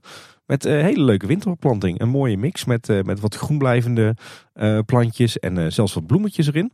Dus wat we eigenlijk het afgelopen jaar in voorjaar en zomer hebben moeten missen in het hele park. Dat is nu met zeg maar de oude hoeveelheden weer terug. Dus dat kleedt het park mooi aan. En nog een paar kleine puntjes. Bij de gondoletten speelt weer de oude Winter Efteling muziek. Die toffe soundtrack die een paar jaar terug in de hele Winter Efteling te horen was. Hè? En bij het Huis van de Vijf Zintuigen hadden die kassaasjes vroeger altijd van die kaarsdecoratie. Die misten we vorig jaar, maar die is weer teruggekeerd. Klopt inderdaad op het beperkte aantal kassa's wat nog over is. Ja, ze hebben wel een paar van die kaarsen kunnen wegkieperen denk ik. ja. En uh, bij de vreugdevuren, daar hebben de medewerkers die daar staan vertaan nieuwe vuurbestendige werkbroeken. Ja, eerst hadden ze spijkerbroeken en nu hebben ze van die uh, mooie groene vuurbestendige broeken aan. Een hele goede verbetering. Ja, en bij de vreugdevuren vind je natuurlijk ook die wachthuisjes. Hè, die mooi gethematiseerde wachthuisjes waar de medewerkers in kunnen staan. Uh, daar stond er heel lang eentje van bij de inrit van het, het Efteling Hotel van het parkeerterrein. Ja, die hebben ze nu natuurlijk nodig in de Winter Efteling zelf. Bij een van die vreugdevuren. En dus is er bij de inrit van het parkeerterrein een tijdelijke portiersloge geplaatst. Zo'n zo'n hokje van Boel, zeg maar, die ze daar gehuurd hebben. Iets comfortabeler, daar gaat misschien ook echt iemand zitten dan. Ja, het lijkt me wel dat dat hokje daarvoor geplaatst is. Als dat iemand bij de inrit hoeft te staan, dan, dan hoeft dat hokje daar ook niet te staan natuurlijk. Nee, ik denk dat het is voor de, de drukke wisselmomenten om vragen te kunnen beantwoorden en zo. Ja, dan door naar het gevreesde blokje, Tim. Eh, de coronacrisis. De vorige keer dachten we al dat het eh, de verkeerde kant op ging. En dat bleek ook zo. Zegt dat wel, ja. Op vrijdagavond 26 november heeft de overheid namelijk eh, nieuwe coronamaatregelen aangekondigd. Voor de Efteling hebben die flinke impact. In het algemeen zijn het een vrij laffe zaken met dat ding een uurtje eerder dicht gaan. Want precies daar is natuurlijk alle besmettingen in plaatsvinden. Dus daar gaat heel veel zooi in de dijk zitten. Maar op de Efteling heeft het wel grote impact. Die moeten ook dus om vijf uur dicht gaan. Dat is het allereerste. Eh, maar eigenlijk heel veel van de maatregelen die ze hebben weggehaald, die komen weer terug. Nou, die maatregelen die gingen dus op zondag 28 november in. En dus duren nog minstens tot zaterdag 18 december. Dat is een datum waar ik de rest van mijn leven een traantje bij ga wegpinken, denk ik. Ja, best pijnlijk inderdaad, ja. Ja, en, en, en nogmaals, er zijn dus een hoop maatregelen teruggekomen. Maar die nu, een van de nieuwe is dus dat de openingstijden nog verder beperkt zijn. In ieder geval de sluitingstijd is beperkt. Ja, inderdaad. Want de Efteling moet dus dicht zijn om vijf uur. En dan moet ook echt alles dicht zijn. Dus moeten de restaurants leeg zijn, de winkels leeg zijn en de attracties stilstaan. Dus dat betekent dat als er een wachtrij van een uur bij een attractie staat, wat momenteel nogal snel is vanwege beperkte capaciteit, daar eh, gaan we daar nog wel even over hebben. Uh, dan, dan gaat de wachtrij dus al om vier uur s middags dicht. Nou, dat betekent dus dat je Eftelingdag flink uh, ingekort wordt. Maar de Efteling die doet daar ook wel wat aan. Want ze hebben de openingstijden aangepast. in ieder geval nu tot en met 18 december. Want van maandag tot en met vrijdag gaat het park gewoon om 10 uur open. Nou ja, je zegt gewoon om 10 uur, maar in de winter is het park normaal gesproken pas om 11 uur open. Ja, inderdaad. Dus dat is toch een uurtje winst. Ook handig als je jonge kinderen hebt. Dan heb je, heeft het ineens wel nut om uh, s ochtends vroeg al naar de winter Efteling te gaan. Uh, en op de zaterdagen en zondagen gaat het park zelfs om 9 uur al open. En op de weekse dagen gaat het park voor verblijfsgasten zelfs al om half tien open. Ja, inderdaad. Uh, en op de zaterdagen en zondagen gaat het park nu om 9 uur al open. Dus dan heb je toch nog een redelijk volwaardige Eftelingdag. Ja. En dat, sterker nog, deze is gewoon dan precies de dag die je anders in het weekend ook had gehad, van 10 tot 6. Ja. Overigens, voor de persconferentie was het natuurlijk zo dat de Efteling verplicht om 6 uur moest sluiten. En, en, toen had de Efteling al wel besloten om in de weekenden al om 9 eh, uur s ochtends open te gaan. Ook in verband met eh, diverse bedrijfsevenementen en uitkopen die plaatsvonden. Maar nu hebben ze dus eigenlijk doorgetrokken voor de hele periode waarin deze maatregelen gelden. Dus uh, ja, de Efteling opent gewoon vroeger als ze vroeger dicht moeten. Heel logisch. Ja, het waren eerst inderdaad maar drie weekenden, maar nu eigenlijk gewoon alle weekenden in de winter. Ja, ja. wat trouwens wel een gevolg is van die verplichte sluitingstijd is uh, dat ze nu weer een, een behoorlijk problematische uitloop hebben aan het eind van de dag ja, normaal gesproken bleef de Efteling natuurlijk steeds langer open. Wat ervoor zorgde dat mensen steeds gespreider het park eh, verlieten. Ik bedoel, als de Efteling op een drukke dag tot acht uur open was, eh, begon de uitloop toch nog steeds wel om half zes. Maar er waren altijd mensen die veel langer bleven hangen. Eh, waardoor je geen probleem had bij de uitgangen en bij het verlaten van het parkeerterrein en op de infrastructuur rond het park heen.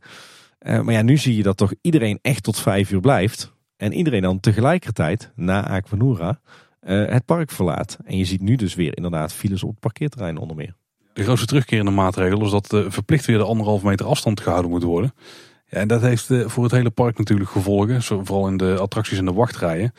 En de, een beetje de gouden regel daarbij, Tim, is dat er één gast per vijf vierkante meter zou mogen zijn. Dus dan kijken we naar de hele Efteling. En in de praktijk betekent het dat we ongeveer op een derde van de capaciteit zitten die het park aan kan. Nou is dan nog steeds een beetje de vraag, wat is die capaciteit dan? Ja dan zijn we dus eigenlijk weer een beetje terug in de situatie van de afgelopen zomer.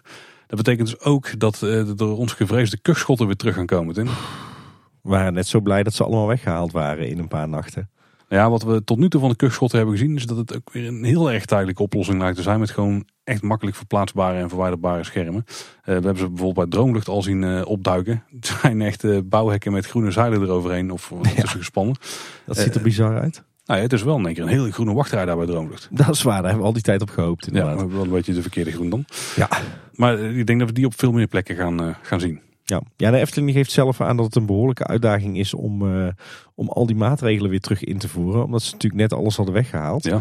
Uh, en ze geven ook aan dat, dat bijvoorbeeld die kuchschotten gefaseerd terug gaan komen. Maar zolang al die maatregelen nog niet terug zijn, doen ze eigenlijk een beroep op de eigen verantwoordelijkheid van de gasten om dan maar zelf die anderhalve meter afstand te houden. Ook daar waar, waar nog geen kuchschotten staan.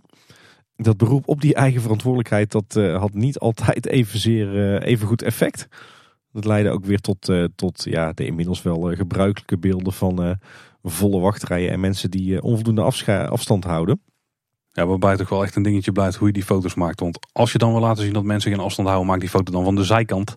Ja, En niet gewoon eh, langs de rij af. Want ja, dan lijkt het inderdaad dat iedereen echt op elkaar staat. Terwijl dat echt niet altijd het geval is. Maar ik denk dat heel veel mensen eh, niet echt in de mindset zitten dat ze heel bewust bezig zijn met die anderhalve meter. Nee, ik denk dat iedereen daar wel, nou in ieder geval dat heel veel mensen daar wel een beetje klaar mee zijn. Nou, ze zijn er niet alleen klaar mee. Ik denk dat heel veel mensen toen het niet meer nodig was om die anderhalve meter afstand te houden, ook weer heel snel weer in de oude Ja. gewoontes zijn eh, gevallen en die afstand dus niet houden. Overigens, overigens is dat een, een algemeen puntje hoor. Voor, het maakt niet uit waar je naartoe gaat. Het is echt niet alleen in de Efteling het Nee, nee, dat is ook zeker niet. Maar ja, in de Efteling merk je het natuurlijk wel. En eh, daar hebben wij het natuurlijk over. Hè? Eh, de Efteling die reageerde daar trouwens wel op, op die, eh, die beelden van, eh, van volle. Dat, we, zien dat gasten, net als in de rest van Nederland, niet altijd stilstaan bij die anderhalve meter maatregel. De komende tijd gaan we gefaseerd een aantal maatregelen terugbrengen om gasten te helpen de anderhalve meter eenvoudiger na te kunnen leven. En we zullen meer communicatie en crowd control inzetten. En bovendien gaan ze voortaan weer minder gasten toelaten, zo'n een derde van onze capaciteit. Hierdoor is er voldoende ruimte in het park om afstand te kunnen houden, maar het naleven van de maatregelen blijft een gedeelde verantwoordelijkheid. Nou, het corona-toegangsbewijs dat blijft gewoon verplicht. En net als de verplichte reservering als je dus een dagticket hebt. Verblijfsgasten en abonnementhouders die zijn uitgezonderd. Die hoeven, Yes. ja, die hoeven niet te reserveren, die zijn eh, ingecalculeerd. Ik denk ook dat dit wel een slimme oplossing is hoor, ten opzichte van de vorige. Want eh, als je een beetje die schaarste creëert door die reserveringen. Ik denk dat daardoor als je ze daarna weer weghaalt, dat die toestroom weer in één keer enorm wordt. Omdat mensen dan weer mogen. En als je het gewoon houdt zoals het is, dan komen ze veel meer mondjesbaat binnen. En dan is het eh, niet die grote groep die in één keer weer voor de poort staat. Dit was wel een opluchting hoor. Ik zat die persconferentie te kijken en ik dacht, daar gaan we weer met die reserveringen. Wat een ellende.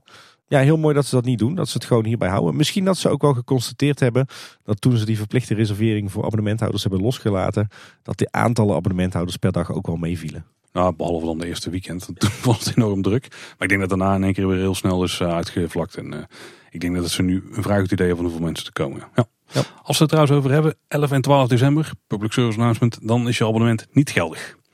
Dus dan eh, moet je of een ticket scoren. Je kunt je vriendentickets er trouwens voor gebruiken. Dat is ook een pro tip. Eh, maar dan moet je wel een reservering hebben. Goeie tip, Paul. Oh, en ook verplicht is het dragen van een mondkapje weer. Ja. Ondanks de toegang met je corona-toegangsbewijs moet je dus toch weer een mondkapje dragen eh, bij alle binnenruimtes. Eigenlijk alle overdekte ruimtes wordt zelfs gecommuniceerd. Ja, twijfelgevalletje. Want voor bijvoorbeeld in het Huis van de Vijf Zintuigen. Ja, wordt het, wordt het toch wel gewaardeerd. Het, eh, Ja, me- gewaardeerd. Ja, maar verplicht is het ook weer niet. Dus nou, er staan er nog geen borden, maar ik vroeg het aan de medewerker en die zei ja, het is eigenlijk wel de bedoeling. Maar ze communiceren dat daar nog niet heel duidelijk, of gewoon niet. Dus eh daar moeten ze nog wat doen.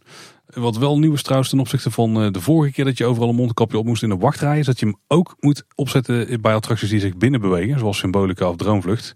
Maar er worden wel uitzonderingen gemaakt bij attracties die grotendeels buiten plaatsvinden, zoals Python, Bron 1898, de Vliegende Hollander, Joris en de Draak, Max en Moritz en de Piranha.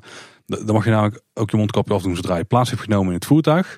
En als je ergens bij een van de horecalocaties bent, dan is het natuurlijk ook wel praktisch als je gaat eten dat je dan ook je mondkapje af kan doen. En dat kan als je ook gaat zitten aan je tafeltje.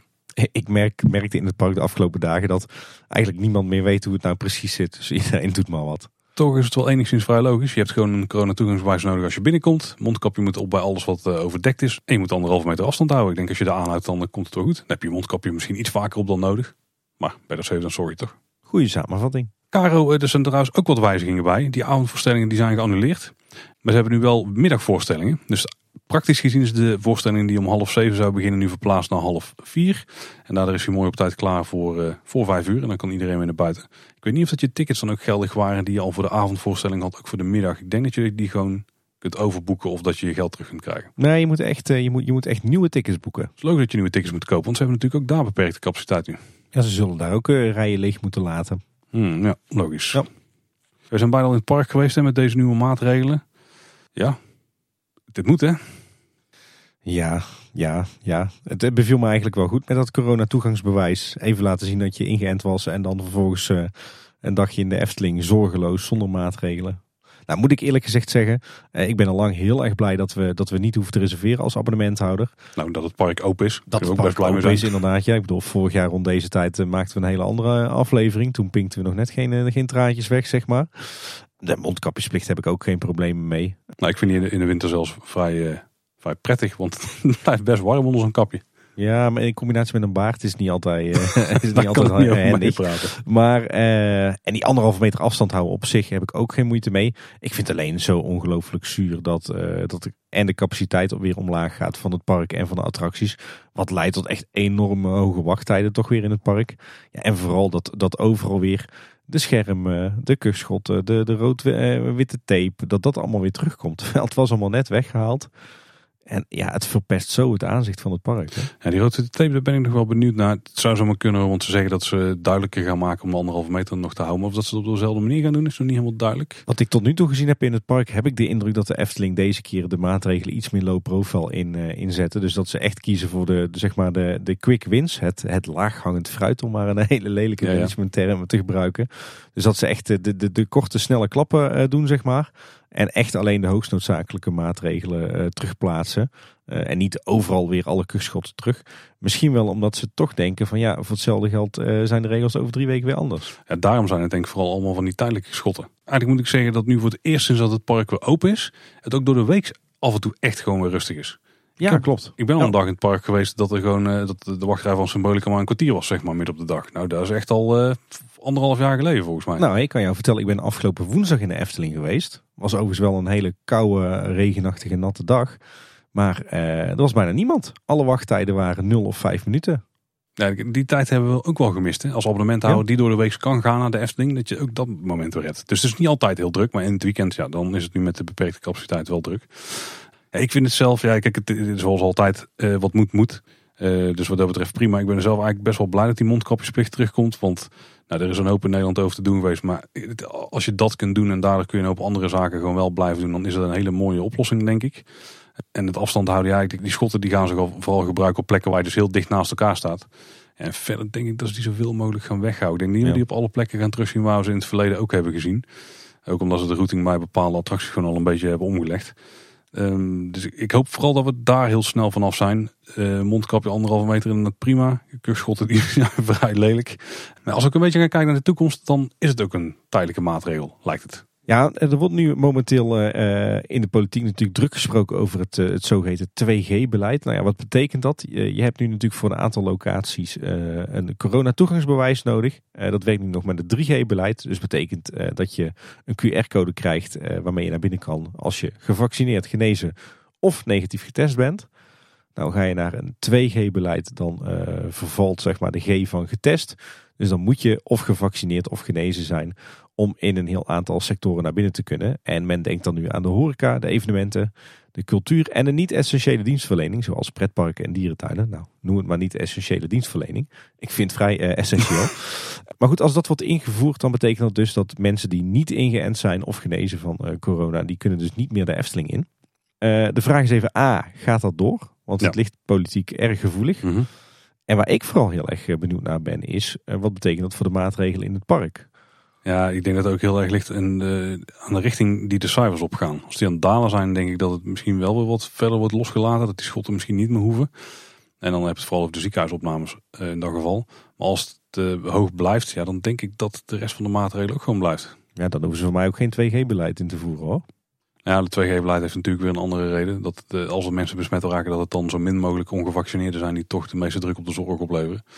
Maar dat is een discussie waar wij verder buiten moeten blijven. Ja. Nee, maar dan zou ik zeggen, joh, als je dan een 2G-beleid invoert, zo'n streng eh, 2G-beleid, eh, haal dan ook alle maatregelen weg. Dan hoeven we ook geen afstand meer te houden en dan hoeven we ook geen mondkapje meer op. Dan zouden ze eerder voor de 1G-maatregel gaan, denk ik. Of de 2G+, plus. Ja, daar word je ook niet vrolijk van, denk ik. Dan moet iedereen getest zijn. Nee, dat wordt ook eh, een, pijnlijke onderneming iedere dag, ja. Ja, dus eh, iedere dag voor, de half uurtje lunchen. Ja. Dat is de discussie, Tim. Daar hoeven wij ons niet eh, over druk te maken. Daar komt gewoon iets uit en daar moeten we het maar mee doen. Daar gaan we ons netjes aan houden. Het Ja, is net de rijdende rechter. Maar zullen we eens even kijken naar de maatregelen in de praktijk? Zullen ze eens even kort langslopen? Ja eh, altijd weer een uitdaging. Eh, er zijn eh, dus weer op eh, heel wat plekken in het park nieuwe kuchschotten gesignaleerd. Of, of hergebruikte kuchschotten.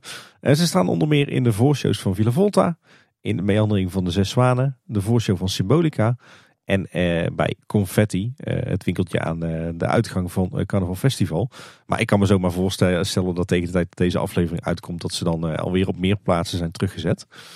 Overigens eh, vindt er momenteel ook geen voorshow plaats bij Symbolica. Dus je loopt daar gewoon door eh, als ware het een eh, gewone meandering. Ja, de meandering van de stoomcarousel die is weer verplaatst naar de salon. Dus je gaat dan via de diorama ga je naar binnen, loop een stukje over het terras daar en dan sluit je zo aan bij de wachtrij. Ja, en de stoomtrein die stopt niet meer bij station de Oost. Diverse terrassen zijn ook afgezet. Daar kun je gewoon niet op nu zeg maar de plekken waar bankjes bij elkaar staan, hebben ze ook een hoop bankjes en zo afgeplakt. Dat je daar ook niet moet gaan zitten, zodat je daar ook die afstand kunt bewaren. Ja, wel, wel heel tijdelijk. Hè? Het, uh, tijdens de, de vorige uh, piek of corona-golf, toen uh, werd alles losgeslepen en weggehaald. Ja, nee, nee, nee. En nu hebben ze gewoon met, met rode duct tape hebben ze die bankjes afgezet. Dat is ook een manier om te doen natuurlijk. Wat trouwens ook al vorige de maatregelen was, maar we niet eerder hebben genoemd, is de coronabewijscheck. Die, uh, dat is een hele rij aan hekken voor uh, gemaakt voor het Huis van de Vijf Zintuigen. Net op de rand van de kap, zeg maar. Maar als het nou rustig is, dan zit die check zit gewoon een meter of vijf, zes voor de kaartcontrole. Later op de dag verplaatst hij verder naar achter, zodat we minder mensen nodig hebben om al die checks te doen. Ja, en dan staat het personeel ook droog en uit de wind, hè? Nou, nou ja, uit de wind. Dan sta je nooit in het Huis van de Vijf Zintuigen. um, de voor... zo. Uh, er is ook weer een, eh, een, nieuwe omroep op de parkeerpromenade natuurlijk. Want iedere keer als de, de regels veranderen, verandert ook die omroep. Uh, deze keer gelukkig een prachtige vrouwenstem die echt heel mooi ABN praat. En de Engelse uitspraak is ook buitengewoon goed. Het is geen typische Efteling omroep in het Engels, zeg maar. Very nice. exactly we hebben natuurlijk ook verschillende meet and greets, zoals met de, acteurs van Ravelijn. En daarbij moet je vertalen weer gewoon anderhalve meter afstand houden. Dat is op zich wel bijzonder, want eh, gisteren hadden we een meet and greet met eh, de Efteling figuren op het Warrelplein. En daar hoefden de kinderen dan weer geen afstand te houden. Misschien dat Fransen gevoeliger zijn voor uh, corona dan Nederlanders. Ik weet niet of dat Fransen zijn die in die Ravelijn pakken zitten. Nou, de ruiters wel hoor. Met de meet and greets ook? Zijn er mensen van... Na, na de show wel, ja. Oh ja, nee, op het Dwarrelplein. Nee, op het Warplein niet. Nee, dat, is gewoon, dat zijn Nederlandse acteurs inderdaad. Ja, en ook een, eh, een heel groot evenement wat is geraakt door de nieuwe coronamaatregelen is eh, het Oud en Nieuwfeest in de Efteling. Ja. Daar gaat namelijk niet door. Oh. Ja, het is op dit moment te onzeker welke maatregelen er gelden op 31 december. En eh, de Efteling heeft besloten omdat als je daarop gaat wachten, dan moet je heel laat pas een beslissing nemen. Of dan kun je pas heel laat een beslissing nemen. De Efteling zegt dat met de huidige maatregelen de activiteit in de avond sowieso niet zou door kunnen gaan. Uh, en ze vinden het jammer om besluit te nemen, maar gezien dus die onzekerheid zijn ze genoodzaakt om een uh, nu alvast de knoop door te hakken, want anders wordt het veel te kort dag. Nou, even praktisch. Als je online een ticket voor auto nieuw hebt gekocht, dan krijg je binnenkort gewoon je geld teruggestort. Heel netjes. Heb je nou je ticket bij de gastenservice gekocht, dan weet de Efteling natuurlijk niet wat jouw bankrekening is. Dus dan kun je naar de gastenservice zelf gaan met je ticket en dan krijg je daar uh, kun je geld terugkrijgen. Of in ieder geval de regels daar de betaling. Hotels en resorts blijven wel open tijdens oud en nieuw. Ze zijn nog aan het kijken van wat is nou een mooi alternatief voor de verblijfsgasten. Zodat ze alsnog een soort oud en nieuw feest kunnen vieren. Vorig jaar was het natuurlijk ook al een soort alternatieve uh, variant op. Hoe het er precies uitgezien weten ze nog niet. Uh, ook weer vanwege de maatregelen op de 31ste. De Efteling zegt in ieder geval dat ze gaan zorgen voor een feestelijk oud en nieuw. Is trouwens nog een, eh, een flink evenement in de wereld van de Efteling. Dat is geannuleerd of althans is aangepast. En dat is de, de Villa Padus Winterrun. Uh, die zou dit jaar weer uh, gewoon regulier plaatsvinden op 11 december. Hè. Een, uh, een hardloopwedstrijd eigenlijk ja, in de wereld van de Efteling en, en sowieso hier in de omgeving. Maar ja, dat kan natuurlijk ook niet vanwege de coronamaatregelen. Dus hebben ze nou over een andere boeg gegooid. Je kan namelijk op 11 december om 11 uur beginnen met wandelen of, of hardlopen op een plek naar eigen keuze. Dus gewoon vanuit, vanuit je huis, vanuit je woonplaats. Want om 11 uur start Villa Padus FM, radio voor kampioenen. En terwijl je hard loopt, dan kun je daar, daarna luisteren. En dan hoor je fijne loopmuziek, optredens en interviews met bijzondere gasten. die je eraan herinneren waarom de Villa Padus Winterrun in het leven is geroepen. En ja, dat is eigenlijk dus een, tijdelijk radiostation dat uitzendt vanuit Villa Padus. En mocht je nou meer willen weten, check dan villapadoesrun.nl. Je zei trouwens dat je vanuit je eigen huis kunt lopen, maar ze hebben ook verschillende routes uh, gewoon gemaakt. Dus je kunt ook wel routes lopen die Villa Padoes zelf heeft uitgestippeld. Ja, maar ik geloof dat er iets stond van je kan ook in Groningen of Maastricht uh, oh, okay. de Villa Padoes winterrun lopen deze keer. Dat zou wel een flink endweg zijn voor het startpunt voor ons. En nog een opvallend bericht op social media. Daar deelde een echtpaar gezin dat het vanwege de verplichte coronabewijs uh, niet meer een abonnement wilde houden op de Efteling. Die hebben ze dus opgezegd. Ze konden dat zonder problemen doen en ze kregen zelfs nog een restitutie voor eh, het resterende looptijd van het abonnement. Dus ja, netjes. Super soepel ineens. Ja. Wat je inmiddels ook kunt doen is reserveren tot en met 1 april 2022. Dus nogmaals, heb je een reguliere ticket, dan zul je een reservering moeten plaatsen om de Efteling binnen te komen. Dat kan nu dus tot 1 april. Ja, je was eerder maar tot en met 9 januari hè? Ja, wat me daarbij opviel is dat ze dit hebben gecommuniceerd via een blogbericht. En uh, wat je dan nog wel zet bij artikelen die ze dan plaatsen, die hebben dan een URL. Hè, dus dat is het adres die je in je adresbalk ziet. En soms verraadt dat de originele titel van, of de, of de ja. werk- en uitvoeringstitel van een uh, artikel. Ik weet wat je gaat zeggen, ja. Nou ja, en in die titel staat dus Livegang Reserveerstraat. Zou de Reserveerstraat een interne naam zijn voor een nieuw reserveringssysteem of zo? En dat daar de reden dat het zo lang heeft geduurd voordat we die nieuwe reservering kunnen plaatsen. Dat zou wel eens kunnen, ja. Ja, klinkt plausibel. Moet eens gaan uitzoeken of dat er een nieuw systeem achter zit. Wat, goed om te weten is dat, dat de winter Efteling nog gewoon voortduurt hè, tot en met 6 februari. En dus je kan nu ook voor een, een deel al een reservering maken voor het, ja, het normale seizoen. Uh, betekent dat de openingstijden inmiddels ook bekend zijn. Nou, de openingstijden van de winter Efteling hebben we al, al eerder gecommuniceerd. Maar nu weten we dus ook wat de openingstijden zijn tussen 7 februari en 1 april. En dat is redelijk beperkt. Door de week blijft dat namelijk van 11 tot 6. Uh, in de weekenden en voorjaarsvakantie van 10 tot 6. En op een aantal uitkoopdagen in de weekenden van 10 tot 7. Uh, wel met de kanttekening dat dit natuurlijk afhankelijk is van uh, de coronamaatregelen. Want als de Efteling vroeger dicht moet zijn, bijvoorbeeld om 5 uur, dan, dan kan het dus zijn dat ze de openingstijd vervroegen. maar dit zouden de openingstijden zijn bij een reguliere opening. En ook de ticketprijzen die zijn aangepast. Vanaf 10 januari 2022 gelden er namelijk nieuwe prijzen voor tickets. Waarbij het goed is om te weten dat de voordeligste tickets in prijs niet stijgen. Nee, dat is wel interessant. Ik heb hier de, de ticketprijzen voor me. De Efteling werkt met vier categorieën. Hè?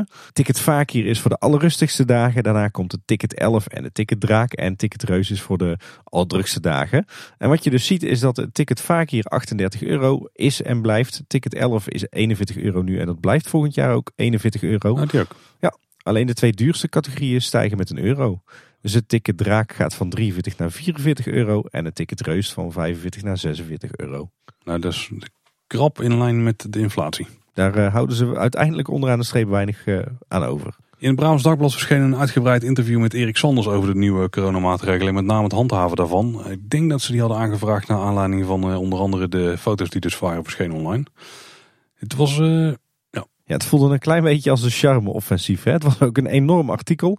Ik heb thuis natuurlijk nog het, het Brabants Dagblad in papieren vorm. En het was echt letterlijk gewoon volledig pagina vullend.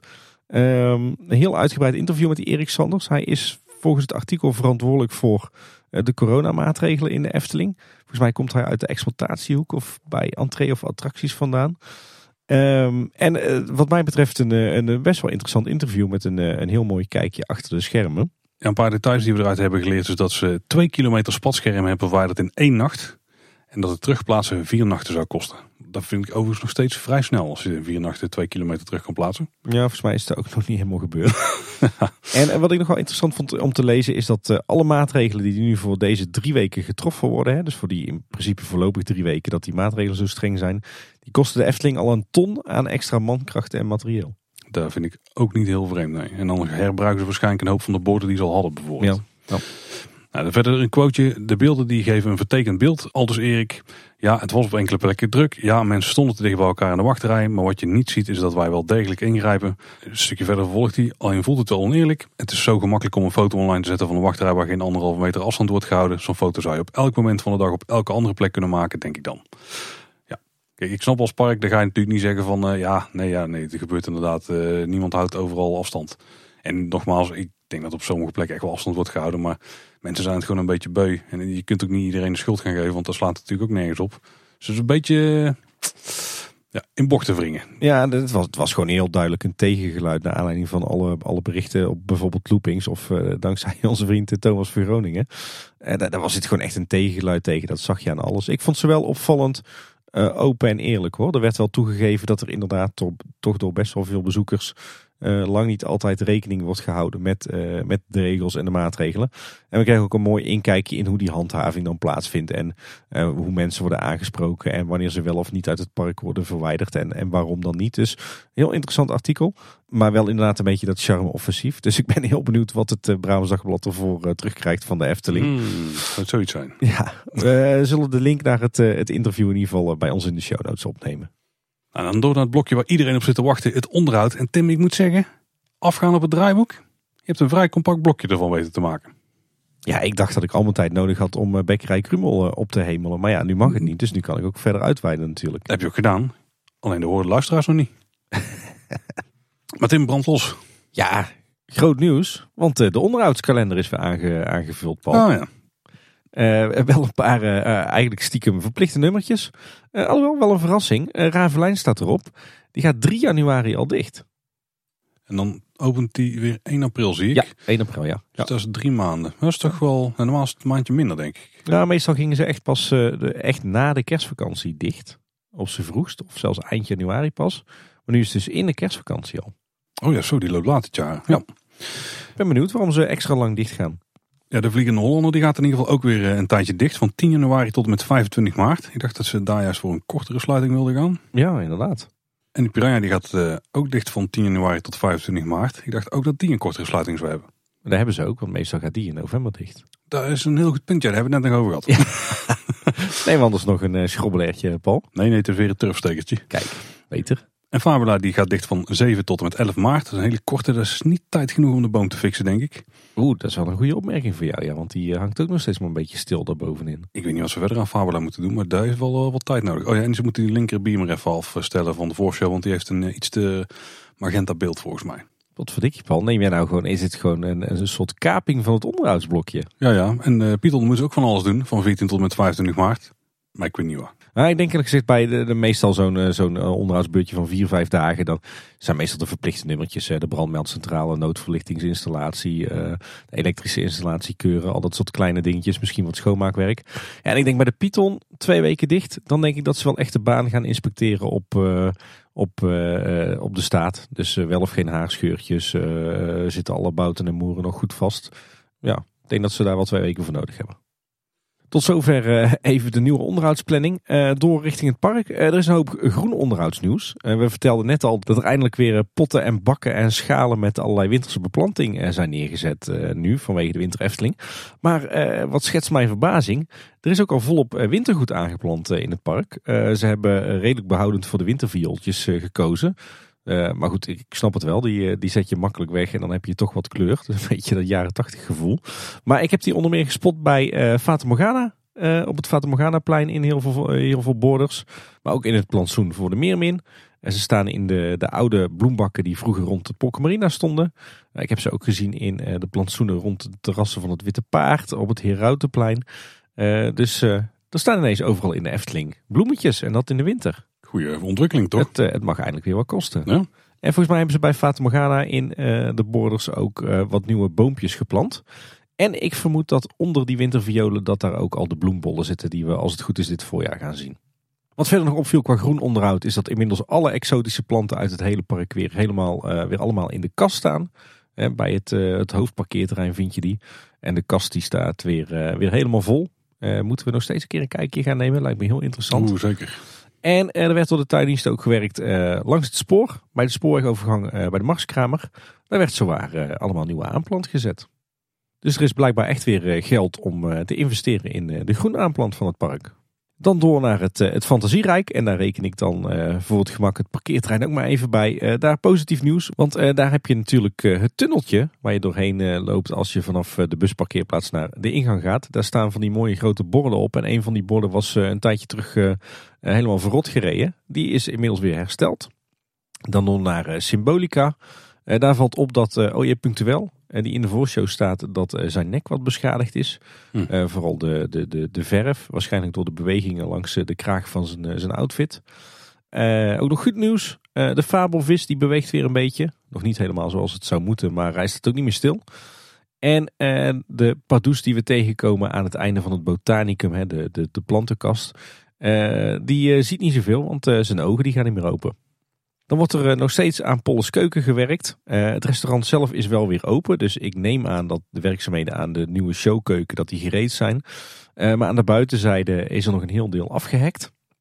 Iets waar ik op had gehoopt is wat onderhoud aan de schoorstenen. Daar zit nu heel veel van die ja, groene, bijna zwarte aanslag aan vanwege die mist die daar uit de schoorsteen komt. Uh, daar is helaas niks mee gebeurd. En het viel me ook op dat uh, de rieten kap van uh, in een behoorlijk slechte staat is. Met name aan de achterzijde.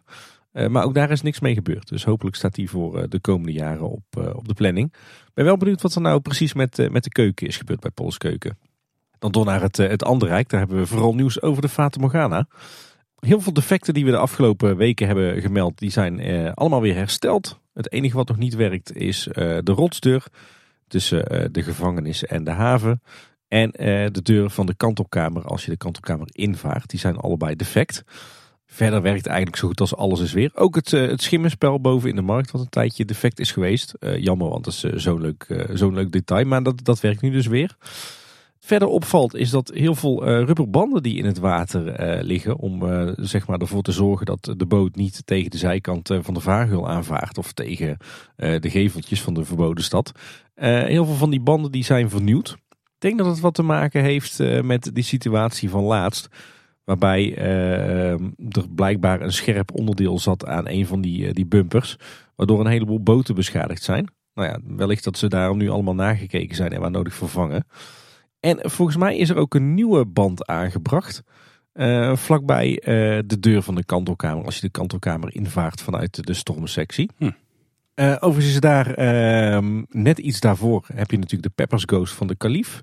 In die ruimte is de speaker, die is volgens mij helemaal naar zijn galamiezen, want die kraakt verschrikkelijk. Dus daar moeten ze wat aan doen.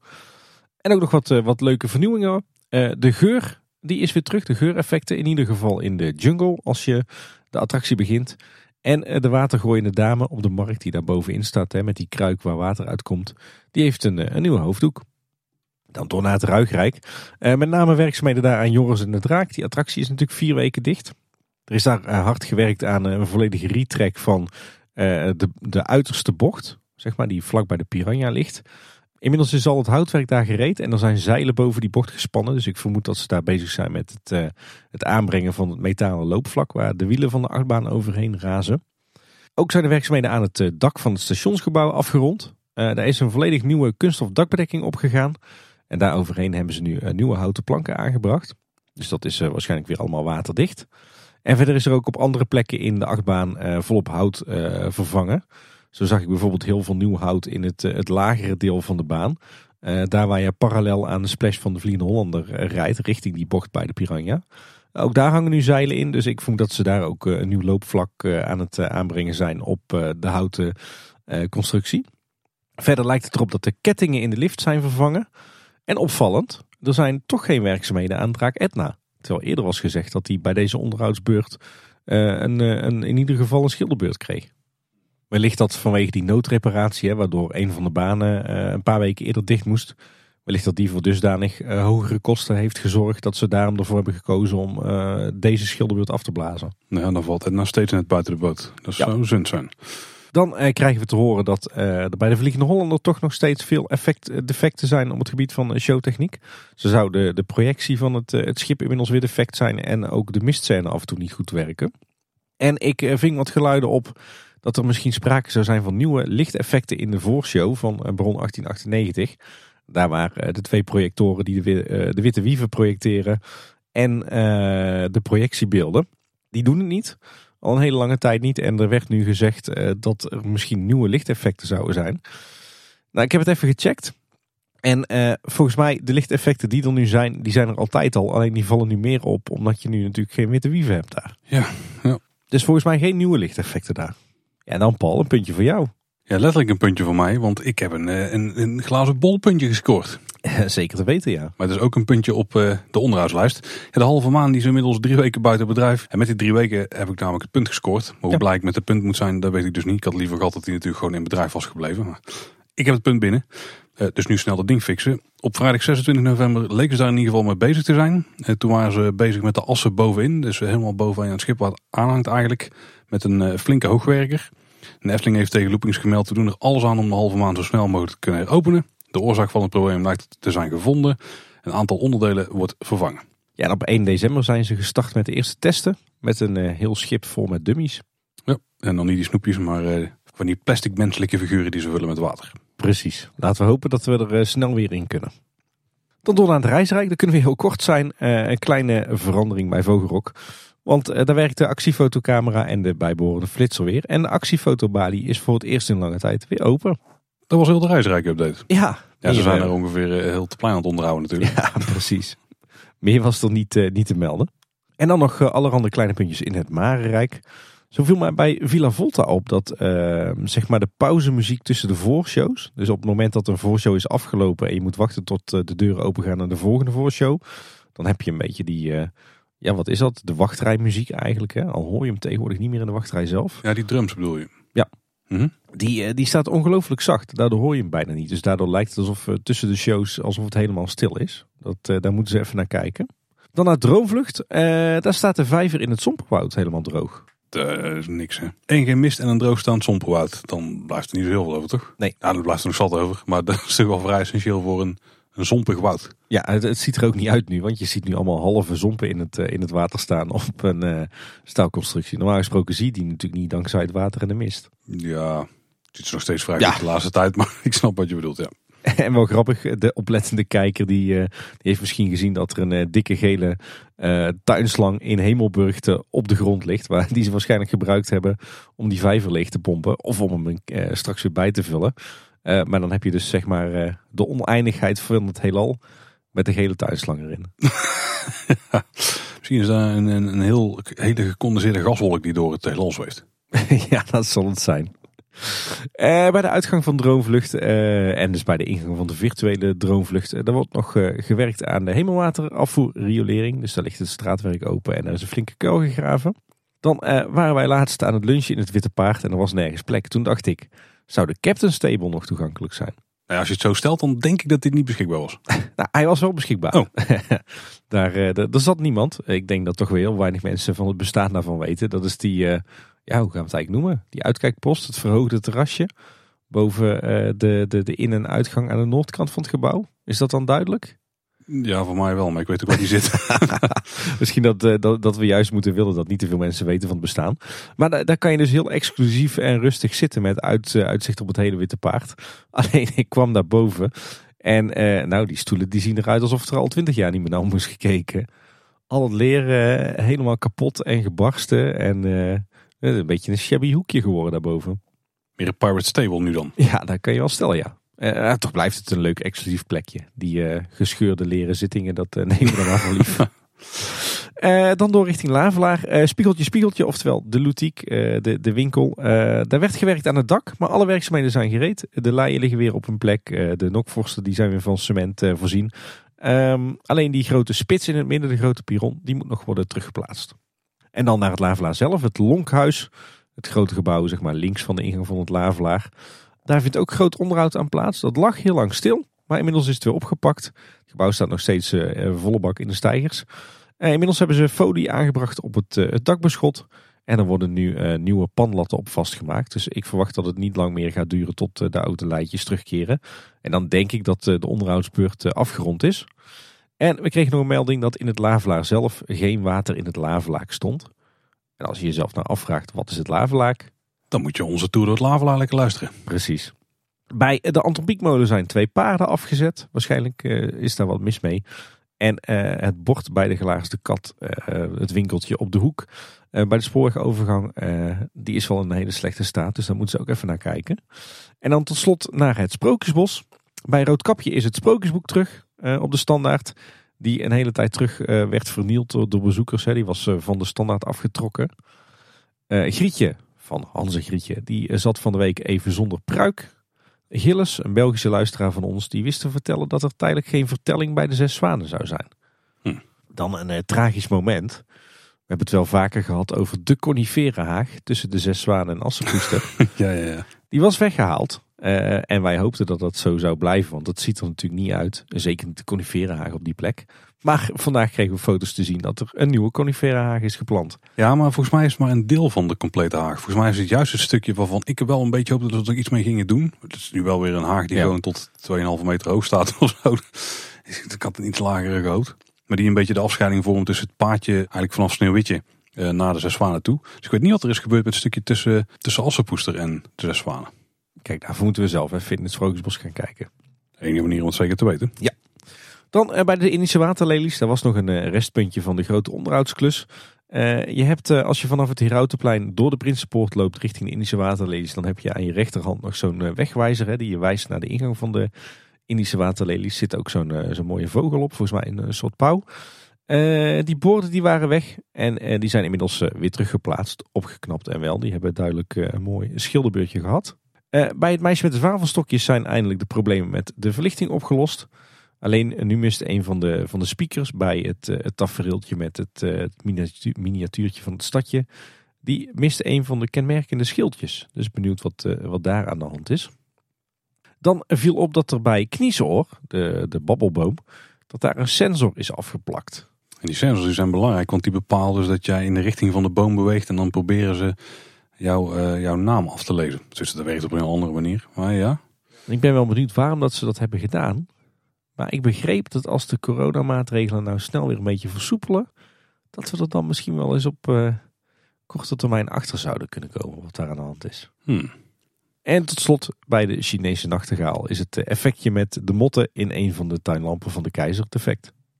Ja, en dan gaan we natuurlijk ook nog even op de valreep naar de wereld van de Efteling kijken. Buiten het, eh, het park zelf. In Bosrijk wordt er eh, in het eethuis geschilderd aan het interieur. Dat wordt, uh, al het schilderwerk wordt daar opgeknapt.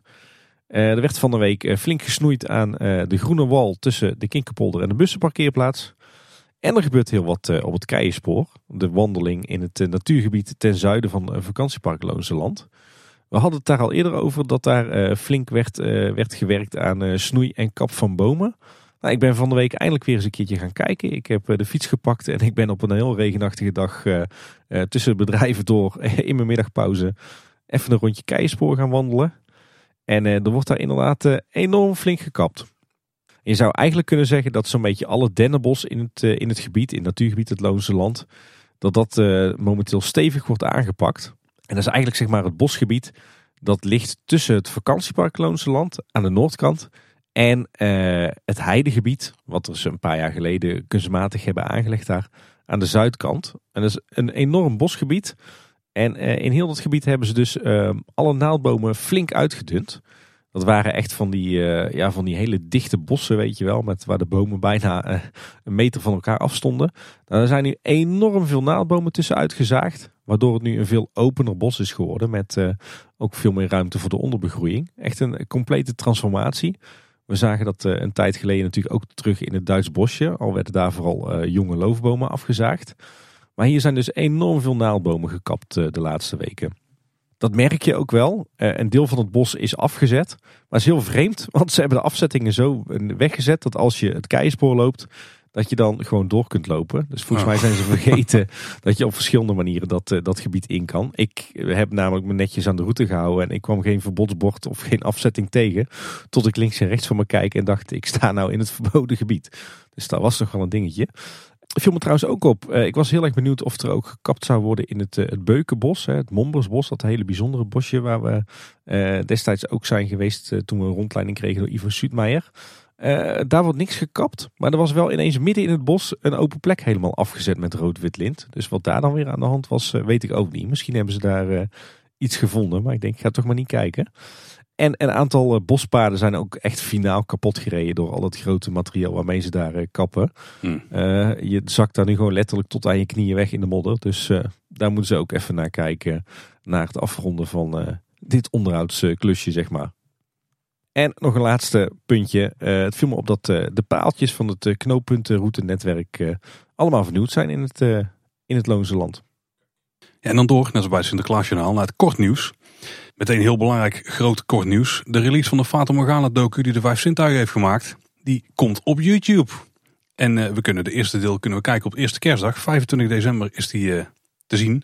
Ja. En het tweede deel die gaat dan live in 2022 op 1 januari. Gaat dat zien, gaat dat zien. Wij, wij hebben het allebei uh, kunnen zien uh, tijdens de première uh, in de Voorste in Drunen. Met een select gezelschap. Maar rond de feestdagen is het dus voor iedereen beschikbaar op YouTube. En het is een pareltje. Maar als je het nou vergeet, dan zullen we je er tegen die tijd wel even aan herinneren. Zoals altijd. Volgens mij hebben we dat al honderd keer geteased. Dus laat het daar even voorlopig bij. Hey, het pand van de Rabobank wat aan de Europalaan stond, wat in handen was van de Efteling, is verkocht. We weten inmiddels aan wie, namelijk aan Bink Groep. Dat is een bedrijf wat per 1 januari KIN installatietechniek uit Rij heeft overgenomen. En KIN die gaat dus als eerste het pand betreden. Die, eh, die gaan daar met 65 werknemers zitten. Later zal ook de volledige Binkgroep zal, uh, naar Kaatsheuvel verhuizen. En ze hebben gekozen voor dat pand omdat ze op zoek zijn naar een centrale locatie in het werkgebied van zowel Bink als KIN. Dus die overgenomen partij. En eh, de uitstraling van het pand die sprak ze enorm aan. En blijkbaar aarzelt er dus ook een hoop projectontwikkelaars op dat eh, stukje eh, grond. Want het pand willen ze dan slopen om daar appartementen te gaan bouwen. En dat is er nooit van gekomen. Want eh, de gemeente vindt die, die hoek veel te druk voor woningen. Wat ik op zich ook wel snap. Daar is het ook, ja. Ik denk dat dit een, een goede partij is, want hier heeft de Efteling 0,0 concurrentie van. Er staat sinds kort op vrijdag, zaterdag en zondag een eh, caravan slash foodtruck met de naam Steak Me Home voor het Efteling Hotel. En dit is dan een extra afhaalmogelijkheid voor hotelgasten, dus voor eten. Want de horeca van het hotel zelf, die moet natuurlijk op tijd dicht. Eh, Maar afvalhoreca mag nog wel later open zijn. En die foodtruck die dient dan dus voor de verblijfsgasten als afhaalhoreca. En die is open van 5 tot 9. En ook als je niet in het Efteling Hotel slaapt, dan mag je de broodjes daar gaan proeven. Er staan zes verschillende opties op het menu, Tim. Rundvlees, varkensvlees, kippenvlees en twee vegetarische varianten met aardappelrusty en falafel. En het eh, kost 8 euro per stuk de broodjes. Het klinkt erg lekker. Het ziet er wel enorm shabby uit, moet ik zeggen. Zo'n grommele caravan eh, voor de hoofdingang van het Efteling Hotel. Een beetje on-Eftelings, hè? Op 20 november toen heeft de Efteling een, eh, weer een eh, klassieke verk- uitverkoopdag gehad. Eh, in dit geval de VDL-dag. Nou ja, je zegt klassieke uitkoopdag, maar de abonnementen waren deze keer wel geldig. Ja, dat klopt wel, ja. ja. Ik bedoel vooral klassiek omdat er weer eens extra entertainment opgetrommeld was. heel veel entertainment. Heel veel echt van dat Eftelingse straatentertainment, weet je al. Alle sprookjesfiguren liepen weer rond in grote getalen. En het, het wemelde van de sleuteliers was trouwens wel leuk, want ik werd door een van de sleuteliers en plein publiek in het zonnetje gezet als kleine boodschap. Dus ook nog even een shout-out naar deze sleutelier. En er was ook een speciale plattegrond specifiek voor die dag. En het was verder in het park niet enorm druk, hè? Nee, ik durf zelfs wel te zeggen eh, dat het eh, verrassend rustig was voor zo'n uitkoopdag. Want meestal zijn die toch extreem druk, maar deze keer absoluut niet.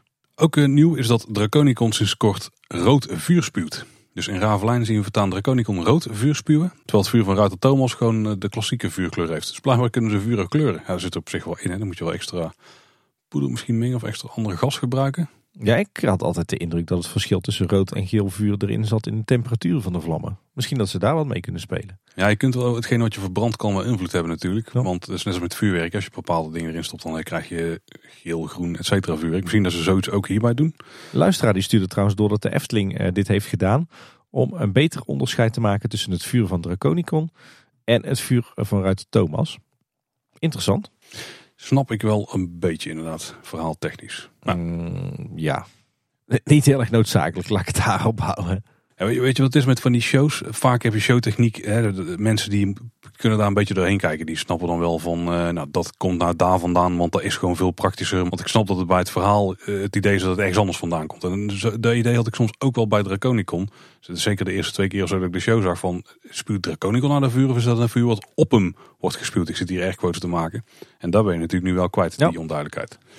Dus dan denk dat het daarom misschien is gedaan. Ja. Dat ze er überhaupt mee bezig zijn, eh, dat vind ik al bijzonder. Ja, inderdaad. Het is net als het misschien per de verkeerde gasfles hadden aangesloten. En dat het daarom die kleur gewoon toevallig gaf. Maar het is blijkbaar bewust. Aquanura die wordt weer eh, tijdelijk verwarmd, het water daar. heeft natuurlijk te maken met de temperaturen die dalen. Er staat in ieder geval weer een, eh, ja, een, een tijdelijke industriële verwarming opgesteld achter het theater. En die wordt dan op het waterreservoir van Aquanura aangesloten. Mooi systeempje. We hebben ook de chique nieuwe bakfietsen gezien van de RBO. Waardoor ze volgens mij nog praktischer hun EHBO-spullen kunnen meenemen. Want het is allemaal heel makkelijk bereikbaar, zeg maar. Het zijn niet meer koffers die aan de zijkant hangen, maar ze zitten gewoon aan de voorkant in een grote bak. Dus ze kunnen en meer meenemen en eh, makkelijker bereikbaar, denk ik. Lijkt me wel een uitdaging om met zo'n bakfiets door een volle Efteling te fietsen. Ja, op hele drukke dagen wordt het wel lastig, maar dat is met een normale fiets ook al. Hè? Dat is waar. Er zijn natuurlijk overal in het park de laatste tijd eh, speciale vuilnisbakken geplaatst voor eh, de recyclebare petflessen. Hè, waarvan de staatsheer natuurlijk naar Villa Padus gaat. Eh, nu zijn ook in Station de Oost speciale bakken toegevoegd. Daar hebben ze van die hele lelijke donkergrijze plastic vuilnisbakken. En eh, daar hebben ze nu van diezelfde hele lelijke donkergrijze plastic vuilnisbakken naast gezet. Waar je dan je flesje kan gooien. Helemaal in thema tussen airquotes. Ik, ik snap niet waarom ze daar niet voor een gethematiseerde prullenbak hebben gekozen. De rest van het gebouw is echt om door een ringetje te halen. Klopt, al, klopt helemaal. Helemaal immersive. En dan van die grote McDonald's-achtige prullenbakken. Die staan ook op sommige stations, denk ik. Ik weet het ook niet. En rond eh, 1900 in eh, Nee, nee. de Oost. Nee, toen nog niet. Er is een nieuwe camerapaal geplaatst in de Efteling. Op eh, eh, eigenlijk de T-splitsing eh, van het, het pad vanaf het Dwarrelplein richting Fata Morgana. Met eh, ja, zeg maar het pad vanaf Vrouw Bolskuge en Bekkerij Krumel richting Max en Moritz. Nog meer camera's? Ja. Zou dit, zou dit van die crowd control camera's zijn? Nou, het ziet er redelijk permanent uit. Oeh, of zou het zijn om eh, een oogje in het zeil te houden op het pad daar langs Aquanura als Ja. daar straks meer mensen het park moeten gaan betreden? Ik besef het me nu pas. Ik ook. Het is een bolletje en het is ook een vaste camera. Zou het die dan ook meteen de timelapse zijn voor de making-of? Zo, ja, nee, het is al eh Wij, flinke eh, ik pak gewoon door. Ja. Daar staat hij net op de verkeerde plek voor, denk ik. Dan kunnen we de vleugel aan de Aquanura vijver opgebouwd zien worden. Toen Nest werd gelanceerd, toen werd ook het boek aangekondigd De Redders van Ruigrijk. Er zou ook een tactiele versie van komen, dus een, een voel exemplaar. Waar je van alles in kunt beleven, gewoon eh, meer fysiek. En eh, die zijn inmiddels eh, ook uit. En de Efteling heeft 250 boekenpakketten gedoneerd aan basisscholen door het hele land. Op eh, 25 november zijn daar de eerste exemplaren van uitgereikt. In dit geval aan de basisschool De Rietvest in Klundert. En Gert de voorzitter van Stichting Natuurpark de Efteling, we kennen hem natuurlijk. Die mocht het eerste exemplaar overhandigen. En uiteindelijk gaan die dus het hele land door.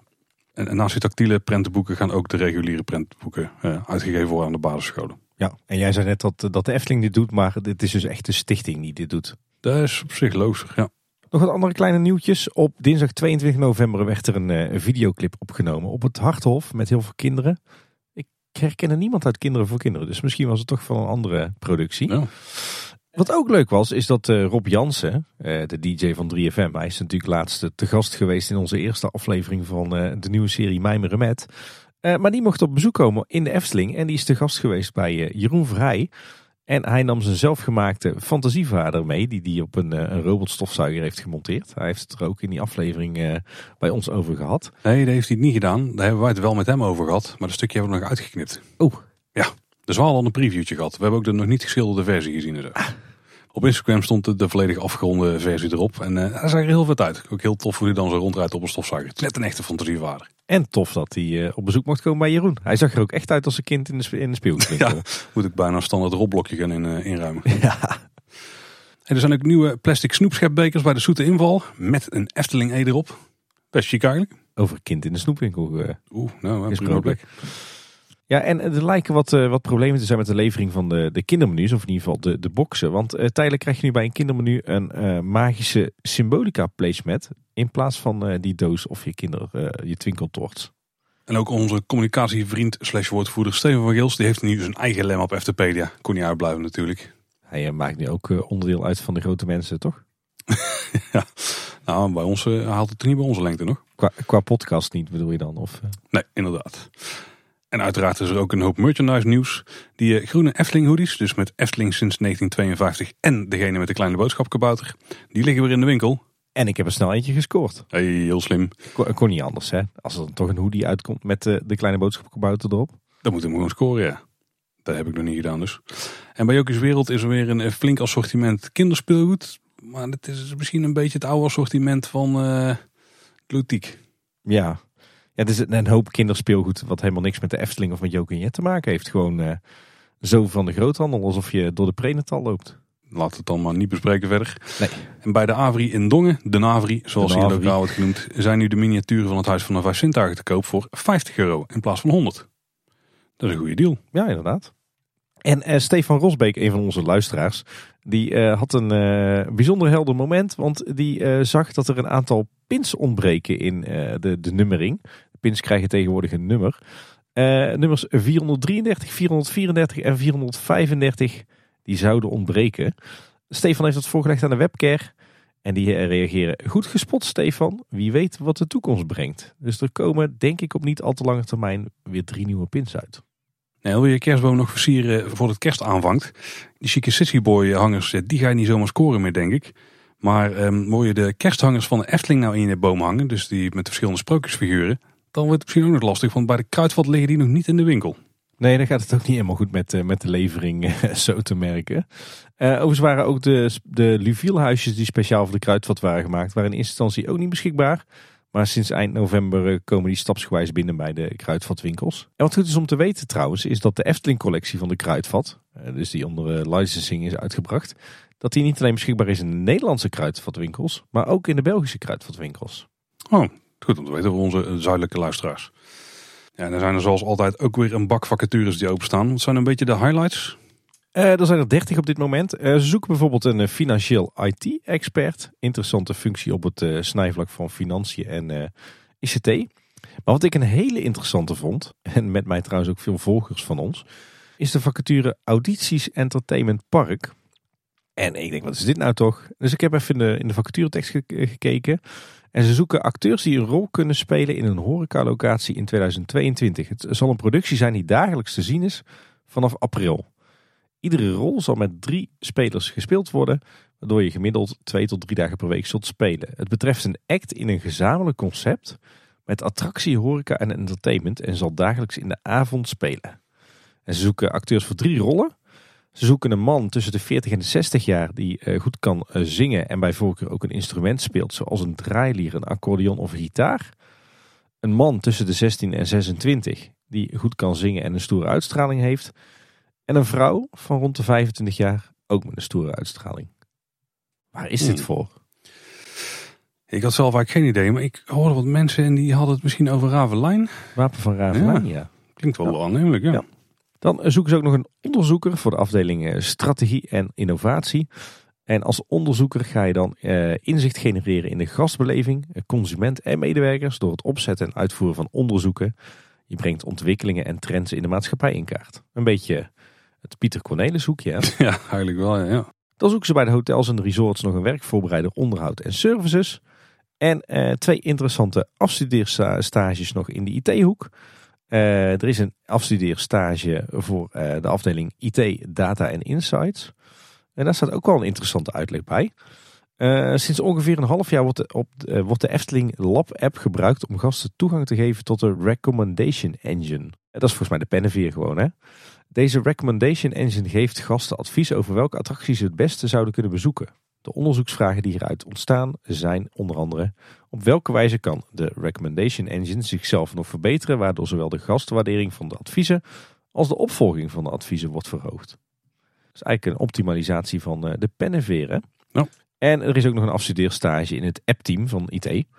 En eh, die is gericht op het ontwikkelen van een verbinding tussen de fysieke wereld en de app voor een specifieke beleving. Hm, ook geheimzinnig.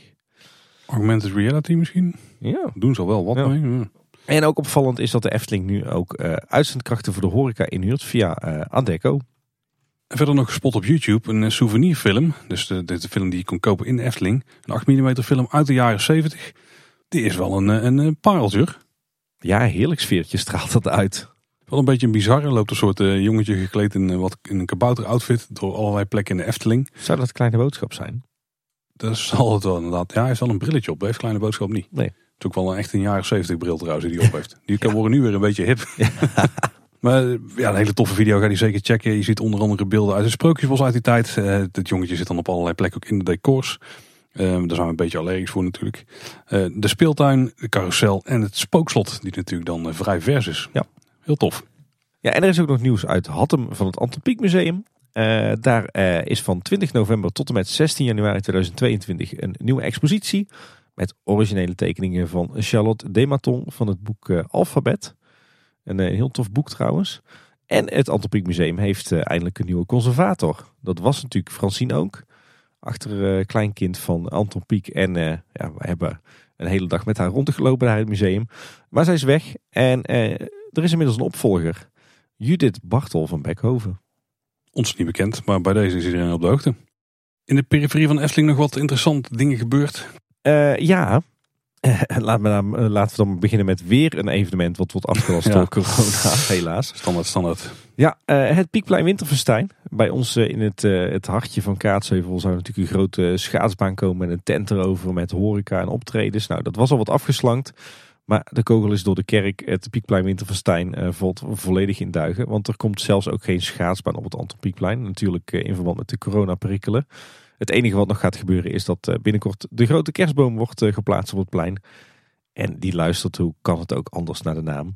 De Piekboom met ja. CK. Standaard. Als we het ergens kunnen misbruiken, dan doen ze het ook. Ja. De gemeente Loon op Zand is uh, afgelopen jaar natuurlijk verkozen als de wandelgemeente van het jaar 2021. Waar we het er ook over gehad. Wethouder Suzanne Mandenmakers heeft nu een vlog online gezet. En dan kun je zelf de mooiste plekjes van de gemeente checken. Ja, dat is wel leuk, want uh, zij is nieuw. Uh, trouwens ook een jonge vrouw. Net zoals onze burgemeester en onze gemeentesecretaris. Dus uh, Kaatsheuvel is goed op weg qua emancipatie. Maar zij is dus vrij actief aan het vloggen geslagen. Dus Kaatsheuvel gaat met zijn tijd vooruit. Super hip. Ja. Eduard Steenbergen, wij kennen hem als degene die heel veel boekjes heeft geschreven over de historie van de omgeving hier. Eh, waaronder over de Efteling. Die is woensdag 17 november overleden op 89-jarige leeftijd. Ja, zijn boeken, met name zijn twee, ja, je zou bijna zeggen, zijn levenswerk. Die, ja, die hebben als basis gediend voor onze twee afleveringen over de geschiedenis van Efteling voor 1952. Dat zijn aflevering 88 en 90. Dus uh, mocht je geïnteresseerd zijn in geschiedenis, ga die dan zeker luisteren. Maar daarin hebben wij heel veel gehad aan het, het werk van Eduard Steenbergen. Ja, nog een, iemand met een Efteling linkje die is overleden. In dit geval trompetist Ak van Rooyen. Op 91-jarige leeftijd. En die speelde het bekende deuntje van de Indische waterlelies. Dus Afrikaan Beat. Ja, hij was lid van Bert Kaempfert en his orchestra. Nog meer slecht nieuws denk ik. Dus het is er nog niet helemaal doorheen. Maar een mijnbouwbedrijf Vermilion Energy die wil de gaswinning op de boorlocatie Sprang in Kaatsheuvel verhogen. Ze hebben bij het ministerie van Economische Zaken een vergunning aangevraagd voor de aanleg van een extra boorput. En zullen een extra boring uitvoeren in de bestaande put via een aftakking. Zodat ze op een ander punt het gasveld kunnen bereiken. Loon op en de gemeente Waalwijk zijn hier fel tegen. En die vragen het ministerie om niet in te stemmen met de vergunning. Nee, dit hebben ze ook al eh, vaker gedaan. Hè? Ja, ja, dit is wel weer een andere aanvraag. Dus ze proberen het iedere keer gewoon opnieuw. Maar dit is echt heel dicht bij de Efteling. Als jij uh, s'avonds uh, uit de Efteling wegrijdt en je rijdt dan uh, de N261 op richting Waalwijk, richting het noorden dan kom je vrij snel aan je rechterhand deze boorlocatie tegen. Een bekende voor mensen uit de buurt inderdaad. Ja. Hey Paul, dan zijn we aanbeland bij onze categorie. En dan nog dit. Wat heb jij nog op je lever? Paar kleine dingetjes. Um, we hebben een nieuwe pagina op onze website gezet. En die uh, hebben we buiten de deur genoemd. en daar kun je eigenlijk alle optredens vinden die wij hebben gehad. of samen of individueel in andere podcasts of in YouTube shows. Dus ja, nogmaals, zoals we in het begin al zeiden, wil je nog meer horen van onze stemmen? Of in sommige gevallen ons zelf zien. Daar weet ik niet wie dat dan zou willen. Maar is geen aanrader. Niet aanraden. Maar we hebben ze allemaal gegroepeerd bij elkaar op de pagina buiten de deur. Die vind je op kleineboodschap.com slash buiten de deur. Of je checkt het gewoon in het overnieuw. Ja, en daar vind je dus bijvoorbeeld ook onze recente podcast met uh, Erik van Nuenen terug. Hè? En nog een, een luistertipje. Um, eigenlijk een beetje een preventieve luistertip. Want Trust Nobody is weer begonnen. Die hebben Yay. een nul aflevering gemaakt over het nieuwe seizoen van Wie is de Mol. Het Nederlandse seizoen uiteraard. En die hebben ze gemaakt naar aanleiding van de onthulling van het land waar het gaat plaatsvinden. Albanië. Ik ben heel benieuwd uh, wat er allemaal te vinden is. De eerste beelden zijn in ieder geval echt heel mooi. Dus uh, ja. Zal wel weer een, een, een, hopelijk goed seizoen worden. Wat nog meer heeft afgekeken bij België. Ik hoop het gewoon. ik, ik moet zeggen dat ik tegenwoordig bijna meer hype ben vanwege de podcast Trust Nobody dan van het programma zelf. Ja, dat wel eerder gemeld hè? Ja. Ja, nog, en dan nog ditje Tim. Ja, ja, ik moet beginnen met excuses te maken aan een luisteraar van ons, Paul. Ik was uh, van de week uh, even in de Efteling. Ik had thuiswerkdag. Ik denk, ik ga even lunchen uh, in de Efteling. Uiteindelijk ook weer veel te veel attracties gedaan, maar goed. Ik werd weer met aangesproken door een jongen. Die was in de Efteling met zijn moeder. Die bleek een luisteraar te zijn. En die was heel enthousiast. En die wilde graag met me op de foto. En ik was daar zo door overvallen dat ik eigenlijk zei dat ik het liever niet had. En ja, de beste luisteraar was echt heel erg teleurgesteld. Dus ik voel me daar achteraf wel heel lullig en schuldig uh, om. Dus uh, sorry dat ik me zo lullig opstelde. Ik was gewoon een beetje overdonderd. En het is ook niks, niks voor mij eigenlijk om met mensen op de foto te gaan. Maar uh, nee, daar, sorry, dat was niet zo netjes. Trouwens nog wel iets bijzonders die dag. Ik, had dus, ik heb dus in de Efteling geluncht. Netjes betaald. Ging allemaal goed. En ik kwam thuis en er is geen geld afgeschreven van de rekening. Dus als de Efteling me nog even een tikkie kan sturen, ik had een broodje Unox. alleen ik heb er nooit voor betaald. nou ja, verder, nou wat wel leuk was afgelopen weekend is, we zijn weer eens een keer naar Burgers Zoo geweest. En wat mij betreft toch wel echt een van de mooiste dierentuinen van, zeker van de Benelux. Hele toffe dag gehad. Het was ontzettend rot weer met heel veel regen en zelfs sneeuw. Dus het was er heerlijk rustig. En vooral veel eigenlijk de, de, de binnen-eco-displays gedaan. hebben. De, de bush, de, de nieuwe mangroven natuurlijk. Maar ook de ocean, dat blijft ook echt indrukwekkend. De desert, lekker gegeten. De kinderen laten spelen in de binnenspeeltuin. Ook de wat nieuwe buitengedeeltes gezien nog. De safari nog op. Dus we hebben echt een topdag gehad in Burgers. En normaal zijn we altijd wel in een dierentuin rond een uur of vier, vijf weg. Maar nu was het echt na vijf. Dus na sluitingstijd eer we pas richting uitgang gingen. Het was al, al pikdonker, dus het was ook wel een bijzondere ervaring. Ja, dat geeft wel aan uh, hoe ongelooflijk we het in Burgers zo naar ons zin hebben gehad vorig weekend. Dus dat was wel echt een, een top uitje, moet ik zeggen. En wat ook nog wel leuk is, we hebben het natuurlijk al eerder over gehad, hè, over onze herfstvakanties, heel kort. wij zijn een week in Stockholm geweest. over een tijdje komt, als het goed is, ook aflevering 9 van de buitenwereld uit over onze herfstvakantie. maar in de tussentijd heeft Anne alvast een blog geschreven over onze week in Stockholm. En die blog die luistert naar de, de titel Stedentrip Stockholm met kinderen. dus wil je daar wat meer over lezen, dan zal ik een linkje in de show notes plaatsen. En, en natuurlijk nog wat luistertips. Eentje uit het pretpark podcast sfeertje. Uh, aflevering 28 van seizoen 9 van uh, Ochtend in Pretparkland. De podcast van, van Erwin Taats, natuurlijk de godfather van de pret, Pretpark podcast. hij heeft samen met Jelle een ongelooflijk toffe aflevering gemaakt over Rookburg en Fly in, in Fantasieland. Daar is natuurlijk al veel over gezegd in diverse podcasts.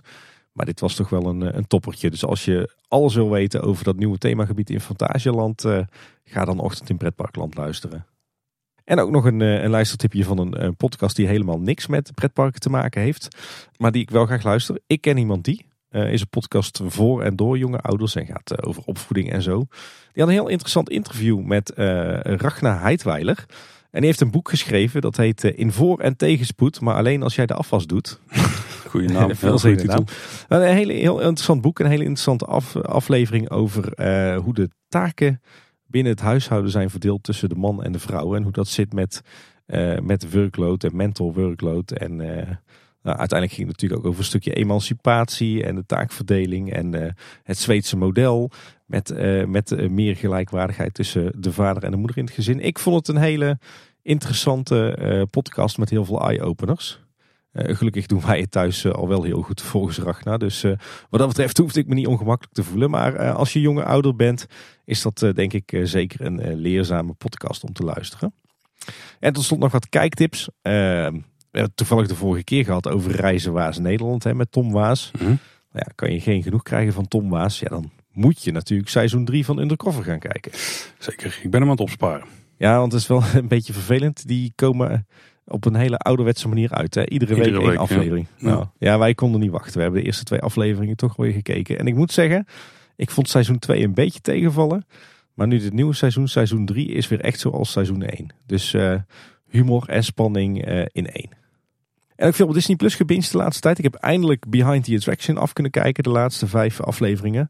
Absoluut uh, een aanrader voor, voor de Disney fans en eigenlijk ook voor themapark fans uh, in algemene zin. Echt een super tof kijkje uh, achter het ontstaan van een aantal minder bekende attracties. De eerste vijf afleveringen waren vooral de klassiekers. En uh, de laatste vijf afleveringen die ik nu heb gezien, dat waren de minder voor de hand liggende. Zoals het Disneyland Hotel en vervoersmiddelen in de Disneyparken. En er was ook één aflevering die ging bijna alleen maar over animatronics, Paul. Dus ook voor jou een kijktip. Wat ik ook toffer vond was de docu over 50 jaar Walt Disney World. Klein beetje Amerikaans, een beetje mierzoet, maar ook wel heel leerzaam. En we hebben ook nog de, de Jungle Cruise film gekeken. Die was nu natuurlijk ook voor iedereen gratis beschikbaar. En dat vond ik dan weer geen kijktip, want die vond ik maar heel middelmatigjes eigenlijk. Ja, was, was wel vermakelijk. Geen toppertje, maar ja. wel vermakelijk. Ja. Vond, vond, vond het klein tegenvallertje. Maar goed, eh, ja, dat was hem eigenlijk wel. Dan zijn we aan het eind van de aflevering gekomen. Wil je ons nou ergens volgen op social media of een van de andere plekken waar dat zou kunnen? Heel makkelijk hebben we het voor je gemaakt. Ga naar kleineboodschap.com slash volgen en dan vind je alle plekken waar, eh, waar wij te volgen zijn. Ja, en sowieso eh, is het denk ik wel de moeite waard om een eh, bezoekje te brengen aan onze website kleineboodschap.com. Je vindt daar natuurlijk al onze nou ja, bijna 250 afleveringen met de bijbehorende show notes. Maar je vindt er ook de afleveringen van onze andere podcast, De Buitenwereld. En sinds kort dus ook die pagina met onze optredens bij andere podcasts en vlogs. Ja, zeker. Ja, het contactformuliertje vind je natuurlijk ook op de website. Of je mailt gewoon naar info.kleineboodschap.com. Ja, je luistert ons dus via de website, maar ook in alle podcast apps en via Spotify. En kun je nou bij een van die plekken een reviewtje achterlaten, zoals bij Apple Podcasts? Doe dat dan zeker, dat kunnen we altijd heel erg waarderen. Ja, en vind je ons leuk? Vertel het je vrienden. Heel erg belangrijk. Dat was in ieder geval weer voor deze week. Bedankt voor het luisteren. Tot de volgende keer. En houdoe. Houdoe waar.